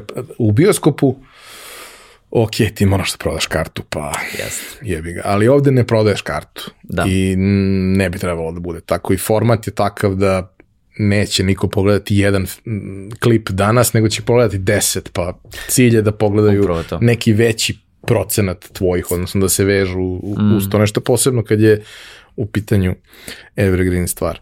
A, taj moment uh, ulaska u saradnju sa, sa Fantom i generalno sa brendovima. Mm. S jedne strane vi ste influenceri, ok, vi ste zbog community-a negde pozvani tu, sa druge strane pozvani ste i kao autori i na neki način uh, pretpostavljam u nekom trenutku ste postali i uh, ok, brand ambasadori, ali neka vrsta saradnika kreativnih direktora, nekog ko bi mogao da zajedno sa brandom osmišljava strategiju. Ne samo ti i tvoja ekipa, nego i ostali koji su učestvovali u tom celom procesu, ali prosto uh, vi niste neko ko se time bavio, za to se školovao i tako dalje, vama je to na neki način organski došlo kao prirodni razvoj situacije saradnje sa, sa jednim brandom gde ti kreneš kao spoljni saladnik, ali onda vremenom uđeš toliko u, u celu materiju da si postao integralni deo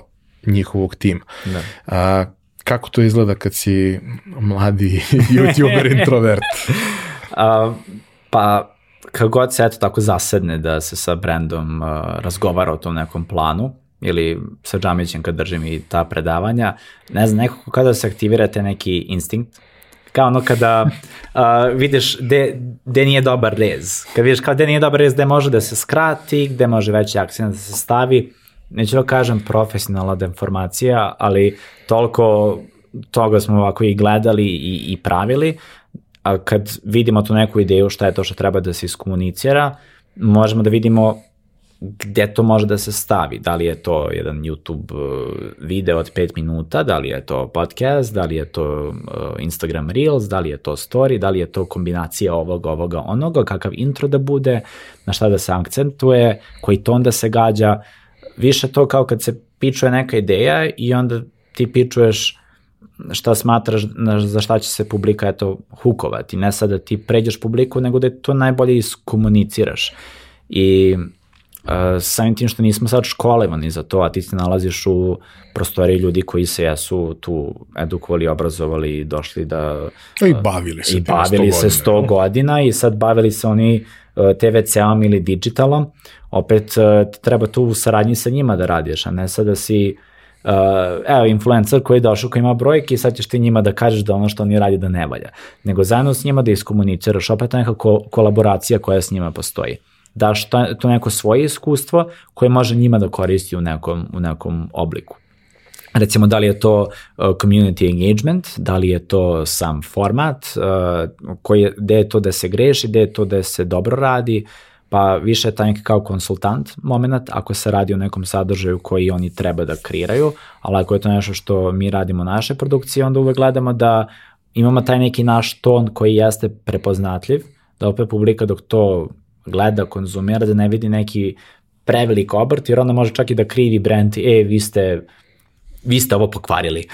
Nego Što da, se dešavalo. Da, da, da. Ne baš tako redko. Pa, fino je opet taj ko pravi brainstorming session, znaš, u prostoriji si sa ljudima i očekivao bi za sebe da je to stresno, ali nije neko se osjećam kao da pričam sa prijateljima, kao at home, da kažem.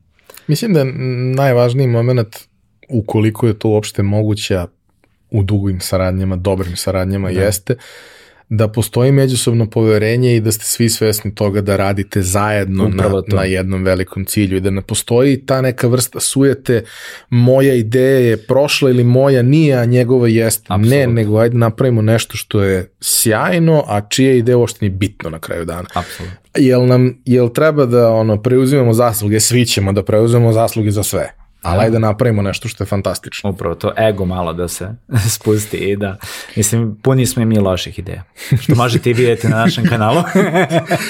ovaj, e, jedna od stvari koju si pomenuo, a voleo bih da se, da se malo pozabavimo tom temom, mhm. posebno što, što je to bio jedan deo razgovora na ručku pre ovoga, pre nego što smo krenuli da snimamo, a to je Ok, završi se srednja škola, uh, sad si nalik na odraslog čoveka i treba da doneseš svoju prvu veliku značajnu odluku, a to je uh, čime ćeš da se baviš u životu, odnosno ne čime ćeš da se baviš, nego šta ćeš da studiraš, ali kao to često povezano, barem da. u ideji je povezano. I uh, ti si već imao jasnu sliku šta bi želeo, upisao si faks i dan danas svi govore da, da studiraš, ne studiram, iako da, ne da. studiraš aktivno već neko vreme, ni ja nisam znao, jer stalno u najavama da. je da studiraš, a nekako vreme poslednjih par godina prolazi, tako da nisam baš siguran koliko je prošlo od onog da. trenutka kad je počelo. Ali da, ti si upisao montažu na fakultetu umetnosti. Da, u Novom Sadu. Uh, I uh, zašto nisi ostao tamo. Odnosno, prvo šta ti je to donelo, mm -hmm. a onda kako si došao do toga da shvatiš da ipak želiš da napraviš neku pauzu, da razmisliš o svemu šta i kako dalje, da. da možda to ipak, da si dobio ono što ti je trebalo, a da u nekom periodu pred sobom ne vidiš da ćeš dobiti vrednost koju, koju želiš. Ja sam u stvari pre tog fakulteta dobio stipendiju na godinu dana uh, u Beogradu Akademije umetnosti uh, Braće Karić, mm -hmm. mislim. Uh, kad sam upisivao četvrtu godinu srednje, sam samo poslao jedan svoj YouTube video kako naučiti, sam poslao na taj konkurs i osvojio prvo mesto, osvojio godinu dana stipendije. Pa sam paralelno završavao srednju i odišao na faks Novi Sad BG, pa upisao montažu jer teo sam pre svega tu da ono što mi je doprinala, što mi je dala Akademija umetnosti jeste da mi se obrazloži recimo motiv reza ili rakursi, planovi, da se te neke stvari koje sam ja, što sad smo pričali o tome kad uđeš u prostoriju sa ljudima iz digital marketinga, pa nekako si ti to street smart dobio, kako taj street smart sebi nekada pojednostaviš. Ti sad imaš osjećaj zašto ovde treba da rez, re, režeš, zašto treba ovaj kadar, ali da li su ljudi u filmovima ranije u industriji sa razlogom to birali, koji su neki primeri, to je mi nešto bilo preko potrebno, možda ja u tom momentu nisam to ni shvatio dovoljno, ovaj, ali sad kad gledam na to šta mi je Akademija donela, donela mi je to, te neke osnove, da ja sad sebi nekad mogu da obrazložim zašto je nešto lakše rešenje, a ne da uvek gledam tu neku svoju, kreat, svoju kreativnost da mi ona da neki odgovor. I upoznao sam kolege u Novom Sadu s kojima i dan danas radim. I sedao sam kroz dosta prezentacija. Zašto nisam, uh, nisam da završio fakultet, nisam završio akademiju umetnosti jer sam imao predavanje od 9 do 5, a tad sam morao da radim, radio sam i festival, njega treba da organizujem, snijemo za YouTube, uh, brand deadline-ovi, e-mailovi, pozivi, to je baš bilo u tom nekom jeku kada su nas svaki dan kontaktirali brendovi da radimo sa njima, ja sam kao ne hvala, ne hvala. Nisam imao vremena da radim, da unapređujem tu neku svoju karijeru za to šta, za šta studiram, pa su me posavetovali dekan i profesor s montaže da napravim pauzu. Pa sam onda čekao dve godine, jer bila je pristupna godina i kad je došla 2018. bio sam u još većem poslu da opet nisam mogu da nastavim sa, sa samim studiranjem. Jer uh, uvek mi je to nekom momentu bilo preče, opet sam nešto započeo, neki godišnji projekat i treba će vremena da, da se i tome posvetim, a i Uh, bili su i ti napadi panike kako ništa neću stići i bilo je previše toga što radim u tim godinama. Nekako sam premlad ušao u sve to. Meni se čini da problem te postavke koja je došla sa Bolonjom je što zahtjeva celodnevno angažovanje, yes. ti si ceo dan na fakultetu, a onda realno moraš da učiš. Da. Tako da, ono, kao nije ok do, ne znam, 9 do 5 si, ali u 5.00 ti možda radiš sve što si zamislio. Ne, ne, ne, da. u 5.00 ti sad mora se baviš time što si do tad slušao, yes. ako hoćeš da imaš nekakav rezultat. Da ne budeš samo prošao kroz školu, šta će mi onda Pa da. I svoditi se, kao i sa nekim ono, stalnim poslom, svoditi se na to da za sve to što te zanima, život, vezu i sve što ste da imaš mm. vikend. To je samo 48 sati, a mora nekad i da se spava. Da. I onda jednostavno ne možeš da uklopiš te stvari na, na pravi način. Jednostavno je preplavite previše toga, a imaš i taj moment, baš smo i o tome pričali, uh, nije to ono što osjećaš da ti treba, nije to ono zašta si spreman na tu neku vrstu žrtve, jer osjećaš da ne dobijaš ono što ti u tom trenutku treba. Da si dobio i da je ovo sad nice to have, ali nije neka stvar koja će stvarno da ti promeni život. Volao bih onako u nekom magičnom svijetu da sam samo pauzirao sve što sam radio, a da me to onda sačeka kad završim fakultet. Jer uh, uvek, evo, sad kad gledam i sa da se vratim na priču osnovne škole, kampanjac u osnovnoj školi, kampanjac u srednjoj. Nisam da budem kampanjac. Kampanjac na YouTube. Na YouTube-u.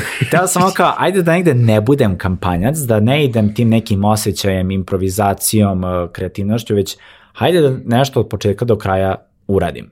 Da, da, da jednostavno se tome posvetim. Uvek sam multitasking, radim na sve strane, tako da volao bih da postoji taj neki paralelni svet. Uh, ali da, ve, i bila je mnogo jača dinamika u čitavom tom digitalu nego što je na pripremanju jednog studentskog filma koji se radi čitavog semestra.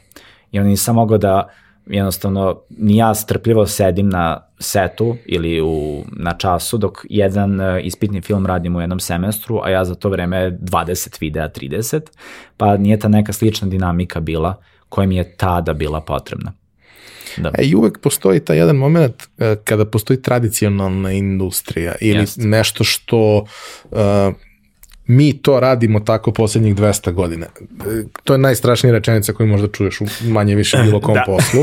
Znači kad ti knjigovođa kaže, ali mi to tako radimo već 30 godina, menjaš knjigovođu tog trenutka. Da. I tu je bio taj moment, znači sećam se, evo, pričali smo o, i, i, i jedan drugi u školi i svemu tome.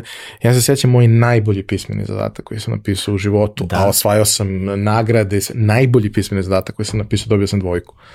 Dobio da. bi keca, nego nije žena htela da mi da ovaj, keca, jer sam bio jedan od najboljih učenika. E, to je moj najbolji pismeni zadatak. A kao, što sam dobio? Dva, pa promašio si temu. Isto, Kako da. sam mogao da promašim da. temu? Tema je, ne znam, sve što želim u ovom trenutku. Kako ti znaš, brate, šta ja želim u ovom trenutku? Ja imam 17, ti imaš 67. Ne možeš da razumeš to sve. Oceni to što sam uradio. Ili, brate, nemoj da mi daš temu koja daje tu vrstu fleksibilnosti da ja sebi izradim. Jel dobro napisano? Napisano je fantastično. Pa šta je problem onda? Da. Pa da, ali ne možeš da pišeš o tome. Mm, da. Ko to kaže? Ko kaže da to može da se uradi i mora da se uradi isključivo na jedan način da. kako se radilo prethodnih 100 godina? E pa to mi je malo zasmetalo i na akademiji imali smo da radimo muzičke spotove i sad svako treba da izabere da li neki band iz Novog Sada ili neki band da znaš da ti da dozvolu. To je bilo bitno da ti da dozvolu i sad kogod je... Na postojeće pesme, da ti uradiš svoju varijaciju. Da, postojeće pesme ili napraviš svoju pesmu. Uh mhm. -huh. Ja sam i napravio čitav muzički spot naše produkcije i to sve nije se uvažilo, pošto niti od ostale kolege, jer to nije prava muzika. Šta je prava muzika? Depeche Mode i David Bowie. Dobro, volim ih, volim David Bowie, volim Depeche Mode, ali nije samo to umetnost. Da, ali to nije kao David Bowie. I kao, ne možeš da spustiš druge stilove samo što to kao nije prava muzika. Samo eto, to, to mi Mislim, isto zasmetalo. Da. Jedna da. od dobrih stvari kao posledica toga što se to radi na, na, na fakultetima je da neke pesme koje nikad ne bi imale spotove, danas na YouTube-u imaju spotove da, da. koje su neki talentovani klinci napravili. I meni je to, da. ja to obožavam Ist, da vidim. Da. Znaš, ali kao, Uh, nije to i dalje jedini način da. i ne mora isključivo tako i ne postoji više a nikad nije ni postojalo, ali sad tek ne postoji striktna podela na žanrove. Apsolutno. Muzika se deli na volim, ne volim i to je to, mislim, znaš, kao ima stvari koje mogu da slušam koji su narodnjak, klasika, Da. mogu da povežem sve to, Šta je uopšte guilty pleasure? Pa da. Znaš, jednostavno mora da postoji neka vrsta slobode i fleksibilnosti jer više nismo ograničeni na jedan muzički kanal koji ima 24 sata programa u kome imaš kvotu koliko najpopularnija pesma puta mora da se prikaže. Ne, brate, svako ima svoj muzički kanal. Upravo to. Znaš, došli smo do toga da, ajde ne toliko na YouTube-u, stvarno se ne dešava prečesto, ali na ovim streaming platformama, brate, on zna bolje od mene šta se meni u tom trenutku sluša A, da. jer ima dosta dobar izvor, Dobar, bazu na osnovu Spotify, ume koga da će... pogodi Spotify. A, Znaš kao, da. otkrije mi nešto potpuno novo što je neverovatno, ne, Da. ja to, a meni je prirodno okruženje odrastanje uz takav sistem, ja ne mogu da shvatim da se to dešava. Zamisli kako je nekome ko i dalje se loži na, na radio Da. i traži radio stanicu koja mu odgovara. Ja imam svoju radio stanicu. Mm. Ali postoji ta neka draž kada ti je random pušta na radio stanice i ubode neku pesmu. Pa a, to slažem je se i postoji, mislim imali smo, neko je od gostiju i pomenuo ovaj, da nema ništa slađe nego kad ti DJ Shuffle sa, sa USB-a ubode onako kako treba. Da. I podsjetite na nešto što si zaboravio što ti ne bi palo na pamet da pustiš. Da. Da. Svi imamo takve pesme. Jeste. Muzika ima tu neverovatnu sposobnost da te vrati u neki trenutak. Znaš, Jeste. ono, eto kažem, možda taj nivo sinestezije nije baš uobičajan i tako dalje, ali kao postoje pesme koje kad čujem, ja osjećam miris, osjećam ukus, potpuno me premesti vremenski prostorno na neko drugo mesto, što nije idealno dok čovjek vozi, Da, ovaj, nije ali, Da, znaš, kao, da. bukvalno se dešavalo, koliko god to zvuči možda čudno i retardirano, Mm. da ubodem pesmu za koju sam u fazonu, čekaj, sad ću ja stanem, da odslušam ovo do kraja, pa idemo dalje, pa ću pustiti Maidene da stignem, to što sam ovaj, izgubio, ali kao, ima takvih momenta, zaista ima takvih momenta. E, Milane Iniću, ti si počeo kao mladi kreator i bila je ta e, početna nevina faza tvog kanala. Onda je to postalo nešto što je o, ozbiljan hobi, ali samo hobi. Onda je to postala profesija, a onda si ti malo i odrastao i porastao i treba da uđe u neku, mislim već i ušlo i da kažemo sada je neka zrela pa, faza tvog stvaralaštva. I sada je neki životni period u kome ti možeš da daš najviše od sebe. Možda ne količinski, ali sa aspekta uticaja i efekta toga što ćeš napraviti. Sad mnogo bolje razumeš i sebe i imaš mnogo više hrabrosti da postavljaš neka pitanja koja pre 10 godina možda ne bi. Šta je u tvojoj glavi sada ideja i plan sa tim što si izgradio do sad? Ideja mi je da sad to š- time što sam naučio sebe, a i znam ljude koji su dobri u tom nekom svom zanatu, da proizvedu audiovizualni sadržaj, pa čak i da prirade nešto što je offline u okviru nekog uh, uživo izvođenja, bilo to kroz muziku, pokret, glumu, da te sad alatke uh, iskoristim da pričam priče. Da moj neki ovako lični neki cilj jeste da pomognem mladima, a ujedino tako i njihovim i roditeljima i profesorima da lakše komuniciraju i da lakše dolaze do tih nekih rešenja. Jer svesan sam da ne mogu ja sada, imao ja tu želju ili ne, da um, svakome pripomognem da sad lakše iskomunicira to što osjeća ili da iskaže svoj stav bez toga da nužno pusti stav svog sagovornika ili da komunicira asertivnom komunikacijom. Trenutno sam na toj nekoj misiji da naučim sebe da što bolje predstavim te neke priče i druge perspektive. To je ono što me stvarno ono interesuje i čime bi tada da se... Tuđe priče. Da, tuđe, tuđe priče, ne samo pojedinaca, već i generacije.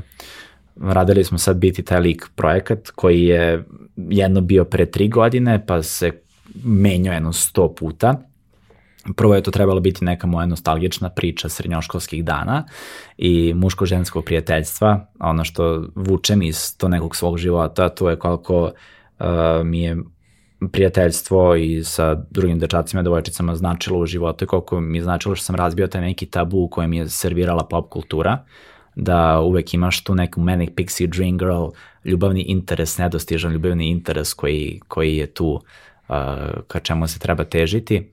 Nekako mi je to prijateljstvo pomoglo da izgradim taj neki svoj drugi stav, pored toga što sam konzumirao kroz filmove i muziku.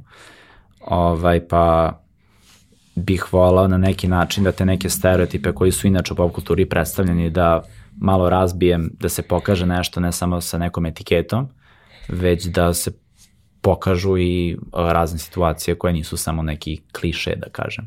Kao u svete ljubavi, tako i u prijateljstvu, roditeljstvu, da kako, kako je to lakše, lakše komunicirati i da nije samo jedna strana tu neki negativac. Jer u razgovorima i sa roditeljima i sa decom, uh, tačno vidim da svako priča svoju stranu i svako doživljava da je ovaj drugi želi loše, a zapravo jedna druga strana želi dobro, pa više kako ta neka komunikacija može da se uspostavi u uh, bezbroj situacija su mi roditelji prilazili da ja neke stvari iskomuniciram svojim videima jer oni sve slušaju što mi i drugi rade na internetu i sam, mi samo izgovaramo istu stvar koju njima roditelji kažu, ali oni nas poslušaju, to jest poslušaju ja, taj savjet. Ne postoje generacijski jaz. Da, to je nego je više to, za razbijenje to nekog generacijskog jaza. I ne bi sad time bavio sad, evo, u okviru tog Beat Telik uh, filma što smo izbacili, nego da ostanem time da se bavim jer vidim da je to preko potrebno, pogotovo taj neki self-care, ovaj, što se tiče i samopouzdanja i svega. Uh, ono što mi je ostalo u glavi jeste svi ti razgovori koje smo imali sa profesorima i mladima dok smo ih intervjuisali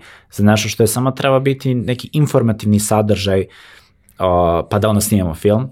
Nakon svih tih izjava, kad smo premotavali sve, sve te izjave, smo rekli da to mora da ostane u filmu i da menjamo čitav koncept, da su sve to neke iskrene izreke koje koje su mi danas u glavi kao recimo profesorica što je rekla, to smo isto pričali ranije, da kao najbolji profesori koji se pamte i koji ostaju u nekom sećanju jesu profesori koji se tačno sećaju gde su oni kočili kada su bili u tim godinama i da pripomognu uh, novim generacijama u tim nekim situacijama da prepoznaju gde se to zapelo, da budu eto nečiji sapatni kasnije. Ovaj, I nekako to je, to mi daje tu neku lepotu, neko, neki značaj da ne budem samo deo problema, kako da kažem, i da sve to nešto iskomuniciramo kroz da li jedan muzički spot ili kroz sketch, ali isto tako i da se zabavimo. Jesu dosta teške teme, ali i sama komedija se jeste jako shiftovala u posljednjem periodu i teško mi je sad u stvari da pogledam bilo koji film, uh, a da ne uočim nešto što je zapravo bio deo problema u tom periodu kad je to izlazilo. Nekako imam neku sad obojnost ka određenom sadržaju i nekako sam sebe naučio da svoje vreme više cenim i šta je to što konzumiram i da manje toga konzumiram u toku dana i volao bih da tu na neki način pripomognem i drugim ljudima, ne sad da kažem kako to da rade, zato se ovo nije ni zvalo budi taj lik kao e ti ovo radi, nego kako je to biti i ova druga osoba, pa da se više da platforma da se takve stvari i prikažu. Svi smo negde preplavljeni ogromnom količinom informacija i sadržaja i vrlo je teško zapravo najveći izazov jeste izabrati za sebe nešto da. što će pozitivno blagotvorno negde uticati na nas i da kažem u, sa aspekta učenja, kreativnosti, razvijanja svega toga i sa aspekta mentalnog zdravlja jer da. jednostavno mnogo stvari koje svakodnevno vidimo, čujemo nikako nisu dobre za nas. A yeah. tu su zato što uh, privlače pažnju, yeah. nose klikove i tako dalje, sve, sve, što, sve što uz to ide. Uh, jedna od stvari kada si uh, dugogodišnji uh, content kreator je da se trendovi menjaju, platforme se menjaju, svašta nešto novo se dešava, uh, postojali su bukvalno uh, kroz ovih 13 godina trendovi koji su se provlačili, neki su se čak i ciklično vraćali s vremena na vreme. Da, da. Ovaj, I to je uvek jako teško ispratiti, a uh, ne, moraš, ne moraš ih ispratiti kroz stvaralaštvo, ok, ali bi negde da bi sve posao radio dobro, i kao autor i kao nekakav konsultant i sve ostalo, trebalo da budeš svestan da postoje. Da, da. I da razumeš da postoje i da znaš ko su predstavnici i koji je model, algoritam i tako dalje, kako mm. određena stvar funkcioniše. Uh, s jedne strane imamo različite platforme, odnosno različite kanale izražavanja, s druge strane imamo formate koji su ili bazirani na konkretnoj platformi ili se možda provlače kroz više platformi jer sada sve jedna drugo skidaju i istovremeno imaš YouTube Shorts, uh, Instagram da. Reels i TikTok kao nešto što je suštinski isto, ali nije isto. Hmm. A, kako ide taj deo priče kad prosto treba da usvojiš nešto novo i pronađeš mu mesto ili doneseš odluku da ono nema mesta u tvom stvaralaštu? Pa isprobamo sve.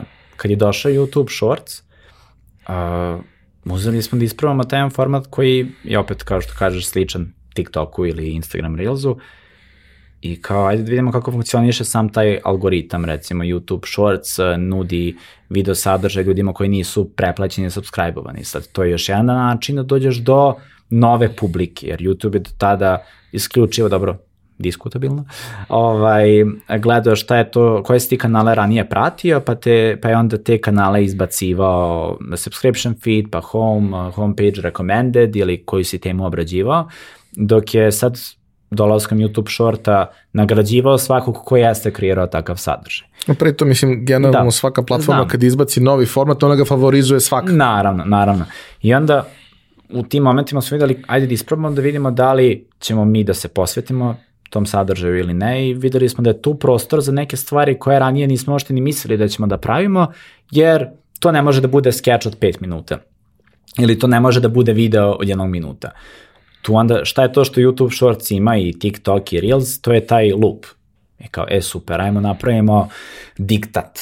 Napravimo kao diktat na času i radili smo rap diktat i kažemo, hoćeš da popraviš ocenu I evo sad diktat, e, krećemo 3-4 sad i kreće diktat lepo lagano i onda ide brz rap i onda ima taj replay value i zapravo imaš i taj engagement u komentarima i, i zapravo ono zdrava neka priča, ali baš zato što je replay value napravljen taj loop, ljudi mogu ponovo da poslušaju, treći put da poslušaju, da vide da li su dobro u komentarima napisali diktat. I kao, e, super, mogli smo tu malo da se poigramo i da nešto stvorimo, što opet danas ima replay value, zbog toga što to jeste mesto da je tako nešto može da živi. I sad, e, što se tiče TikToka, to često čujem TikTokere da kažu, ili kad radim s nekim brendom neki sadržaj za TikTok, kada izbacimo, neka su nam ovaj, e, TikTok lordovi sada, to algoritam lordovi da odrede šta će proći, šta neće. Previše sam u ovom čitavom poslu da sad zavisim od toga da li će me hteti na toj lutri ili ne, da izađe nekom na algoritmu, e, da, da je to neka kao vrednost. Uh, istrošim, gledam da se natrošim na mestima gde uh, vreme i trud uh, vošte ne zavisi od toga da li će nešto uspeti ili ne, već je više neka kocka koja je bačena. Pa onda makar ako kreiraš za tu platformu kao što je TikTok, da, ne, da se ne trošiš previše na tome. Mislim da je jako zdrav odnos ka samom TikToku ima recimo Hank Green, ne znam da li znaš za njega. Hank, Hank i John Green, ovaj, Green braća, ovaj, koji eto, u slobodno vreme izbacuju TikTokove Hengrin ima, pošto opet on sebe tu izbacuje, on priča više, ne, ne kreira neke sketch formate ili loopove ili nešto branded content, nego on kada izbaci TikTok, on kroz koji sat ga obriše. Obriše ga ili ga obriše nakon 15 minuta. Jer tako može zdravo da koristi tu platformu bez toga da ima overdrive u glavi. Neke zadrži, neke ne. I on je iskomunicirao takav odnos sa publikom i to publika poštuje, ne reuploaduje stvari, jer on opet to gleda da izbacujete neke svoje, ne samo misle, već situacije, a čim se ne osjeća konforno, on je sebi dao za pravo da to sad samo obriše. Ali on svaki put kad to nešto izbacuje, ljudi to prate nevezano za to da li je prehodno brisao ili ne, tako da to je jedan zdrav odnos koji on recimo tu ima, što se meni sviđa kao neki content kreator koji koristi TikTok kao još jednu samo alatku, ne main alatku. Meni YouTube i dan danas kao main alatka, ovaj, alatka, platforma gde ću, gde ću kač, kačiti sadržaj, a na sam Instagram i TikTok uh, gledam gde ću samo izbacivati da li neke update-ove ili kratke inserte. Ja, negde da dodatno poguraš stvari i da informišeš da, ljude. Informišem kao, ljude kao... ili jedan video 10 minuta i sečemo na 10 različitih videa, izbacimo ih. I tako. Ali i za male eksperimente. Upravo tako. Kao ovo što sam rekao za diktat, recimo. Uh, jednu stvar ono želim da te pitam od početka i mislim da, da je jako važna. Od starta mi je u glavi e, ugao da tebe primarno prate mladi ljudi, jako mhm. -huh. mladi ljudi, ali uopšte ne mora da bude to slučaj, jer mene ne prate mladi ljudi, pa imamo tu neki neobičan presak. A to je, a, šta bi savjetovao nekome ko osjeća u sebi da ima potrebu da se izrazi kroz neki sadržaj, kakav god, nije važno, ti konkretno jesi prava osoba da ga savjetuje za video, ali ne mora mm. biti, ne mora biti samo video. Uh, u smislu sa kojim očekivanjima treba da uđe i to i na koji način treba sebi da objasni i posloži kako u to kreće. Odnosno, ja uvek kažem ljudima, obično starijima s kojima pričam, uh, odaberi, ne, e, obaveži se na neku količinu pokušaja, vremena, svega. Nemoj mhm. uraditi jednu stvar i onda biti razočaran što, što nema efekta. Redko kome prva stvar napravi neki rezultat. Mm. Ali ti kao veteran te scene, mm. ovaj, možeš to mnogo bolje da, da siguran sam, po, postaviš nekome ko, ko treba da počne danas. Da. Nemoj, beži, ovo je zamka. Šalim se, o, stvarno varira, zavisi i ko pita, često tako imaju želju, ali kažu ne znam o čemu. Znaš, ima, ima i tih situacija. Žele da budu poznati, ali... Pa ne, želim nešto da radim, ali ne znam još o čemu. Kao želim da streamujem, ali ne znam šta. Želim da snimim recenziju, ne znam o čemu. Želim da snimim skeč, ali nemam još ideju. Pa čekaj da dođe ta ideja ili snimi šta god i onda ti se vremenom možda rodi dok vidiš kako izgleda taj kreativni proces i vidiš šta jeste da, za tebe, šta nije, da li se više prenalaziš u snimanju, slikanju, montaži, pisanju scenarija, storytellingu, mislim, postoje, postoje toliko različitih formata da možda se isprobaš u raznim i da vidiš da li neki short form tebi odgovara ili ne, da probaš i da, jel te, grešiš, uh, ali tako bih rekao da uh, mislim, ne, ne mora nužno postojati neki veći cilj šta želiš time da postigneš, ali ako su to neki introverti koji žele na neki način da se izraze, da prepoznaju kad im to više ne prija i da slobodno ne rade to više, ili da naprave sebi taj neki bez, bezbedan prostor. Um, opasno je pogotovo kad neko recimo želi da se bavi glumom ili želim da budem kao glumac, želim da se izrazim, iskažem ili recimo i da si youtuber pa uh, imaš taj ona drive publike, uh, malo na nezdrav način iskazuješ te neke svoje nedostatke i mislim, ne, znaš možda o čemu pričam, da na loš možda način komuniciraš neke stvari koje nisu rešene u tebi, nego tražiš validaciju od strane publike koja te onda gura, da nastaviš samo da imaš nezdrav odnos ka sebi i ka svom okruženju. Mislim, uglavnom kad pitaju za YouTube, misle kako da dođem do te brojke, kako da dođem do ovog uspeha, znaš, kako da dođem do tog automobila i do te video opreme. I taj neki hustle, grind koji ljudi onako propagiraju ovaj, ume da bude nezdrav, ali ako ono imaš stvarno neku ono ideju, idi, radi, greši, uh, ono što, smo, što si isto spomenuo, bolje da je nešto gotovo nego da je savršeno, ako se postavi neki, postavi neki deadline, to ti ono može pomoći u tome da isprobaš razne, različite stvari. Mnogo je važno da naučimo da sebe iskontrolišemo, da. jer ako pustimo sebe, imamo tu ono, potrebu da budemo perfekcionisti oko svega, yeah. ako pustimo sebe, nikada ništa nećemo završiti, jer nikad ništa neće biti dovoljno dobro iz prvog pokušaja. Upravo.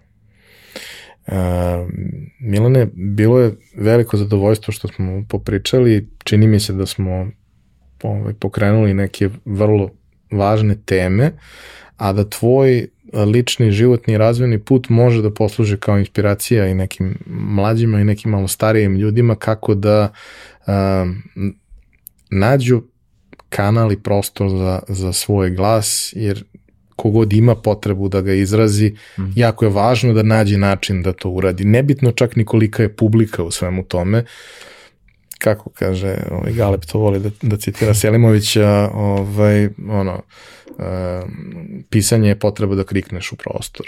Ovaj, tako nekako mm. ide, ide citat. Odnosno, um, kao isto je neka priča vezana za, za nekog klasičnog ruskog pisca, uh, kao um, doneli su neki, neka bogata porodica je donela knjigu koju je napisala i on je to pročitao i pitao ih je, a što ste vi ovo napisali? Pa kao, eto, a jel morate vi da pišete? Pa ne moram. E, ja moram. Zato treba da se bavi time, a neko kome je to zabava ok, ali da. jednostavno nije isto. Znaš, ono, imam potrebu, moram da se izrazim na neki način da bih ja bio ceo. To da bih da. se ja osjećao ok sa sobom. I to je možda i kroz tvoj primjer i kroz moj primjer jedan od načina kako probijamo neke svoje granice, neke svoje barijere koje, koje smo postavili, koje život nas tera da ih pomeramo i probijamo, ali ovo je možda jedan od zdravijih načina na koje to da, možemo da, da uradimo. Još jednom ti hvala. Hvala vama što ste nas slušali, nadam se da vam je bilo interesantno. Sva pitanja, komentare, sugestije i bilo kakvu vrstu feedbacka ostavite u komentarima na YouTube-u, a mi se ponovo čujemo i vidimo sledeće nedelje. Ovo je sve zapravo bio diktat koji treba sad napišete u komentarima, čitav podcast bio diktat.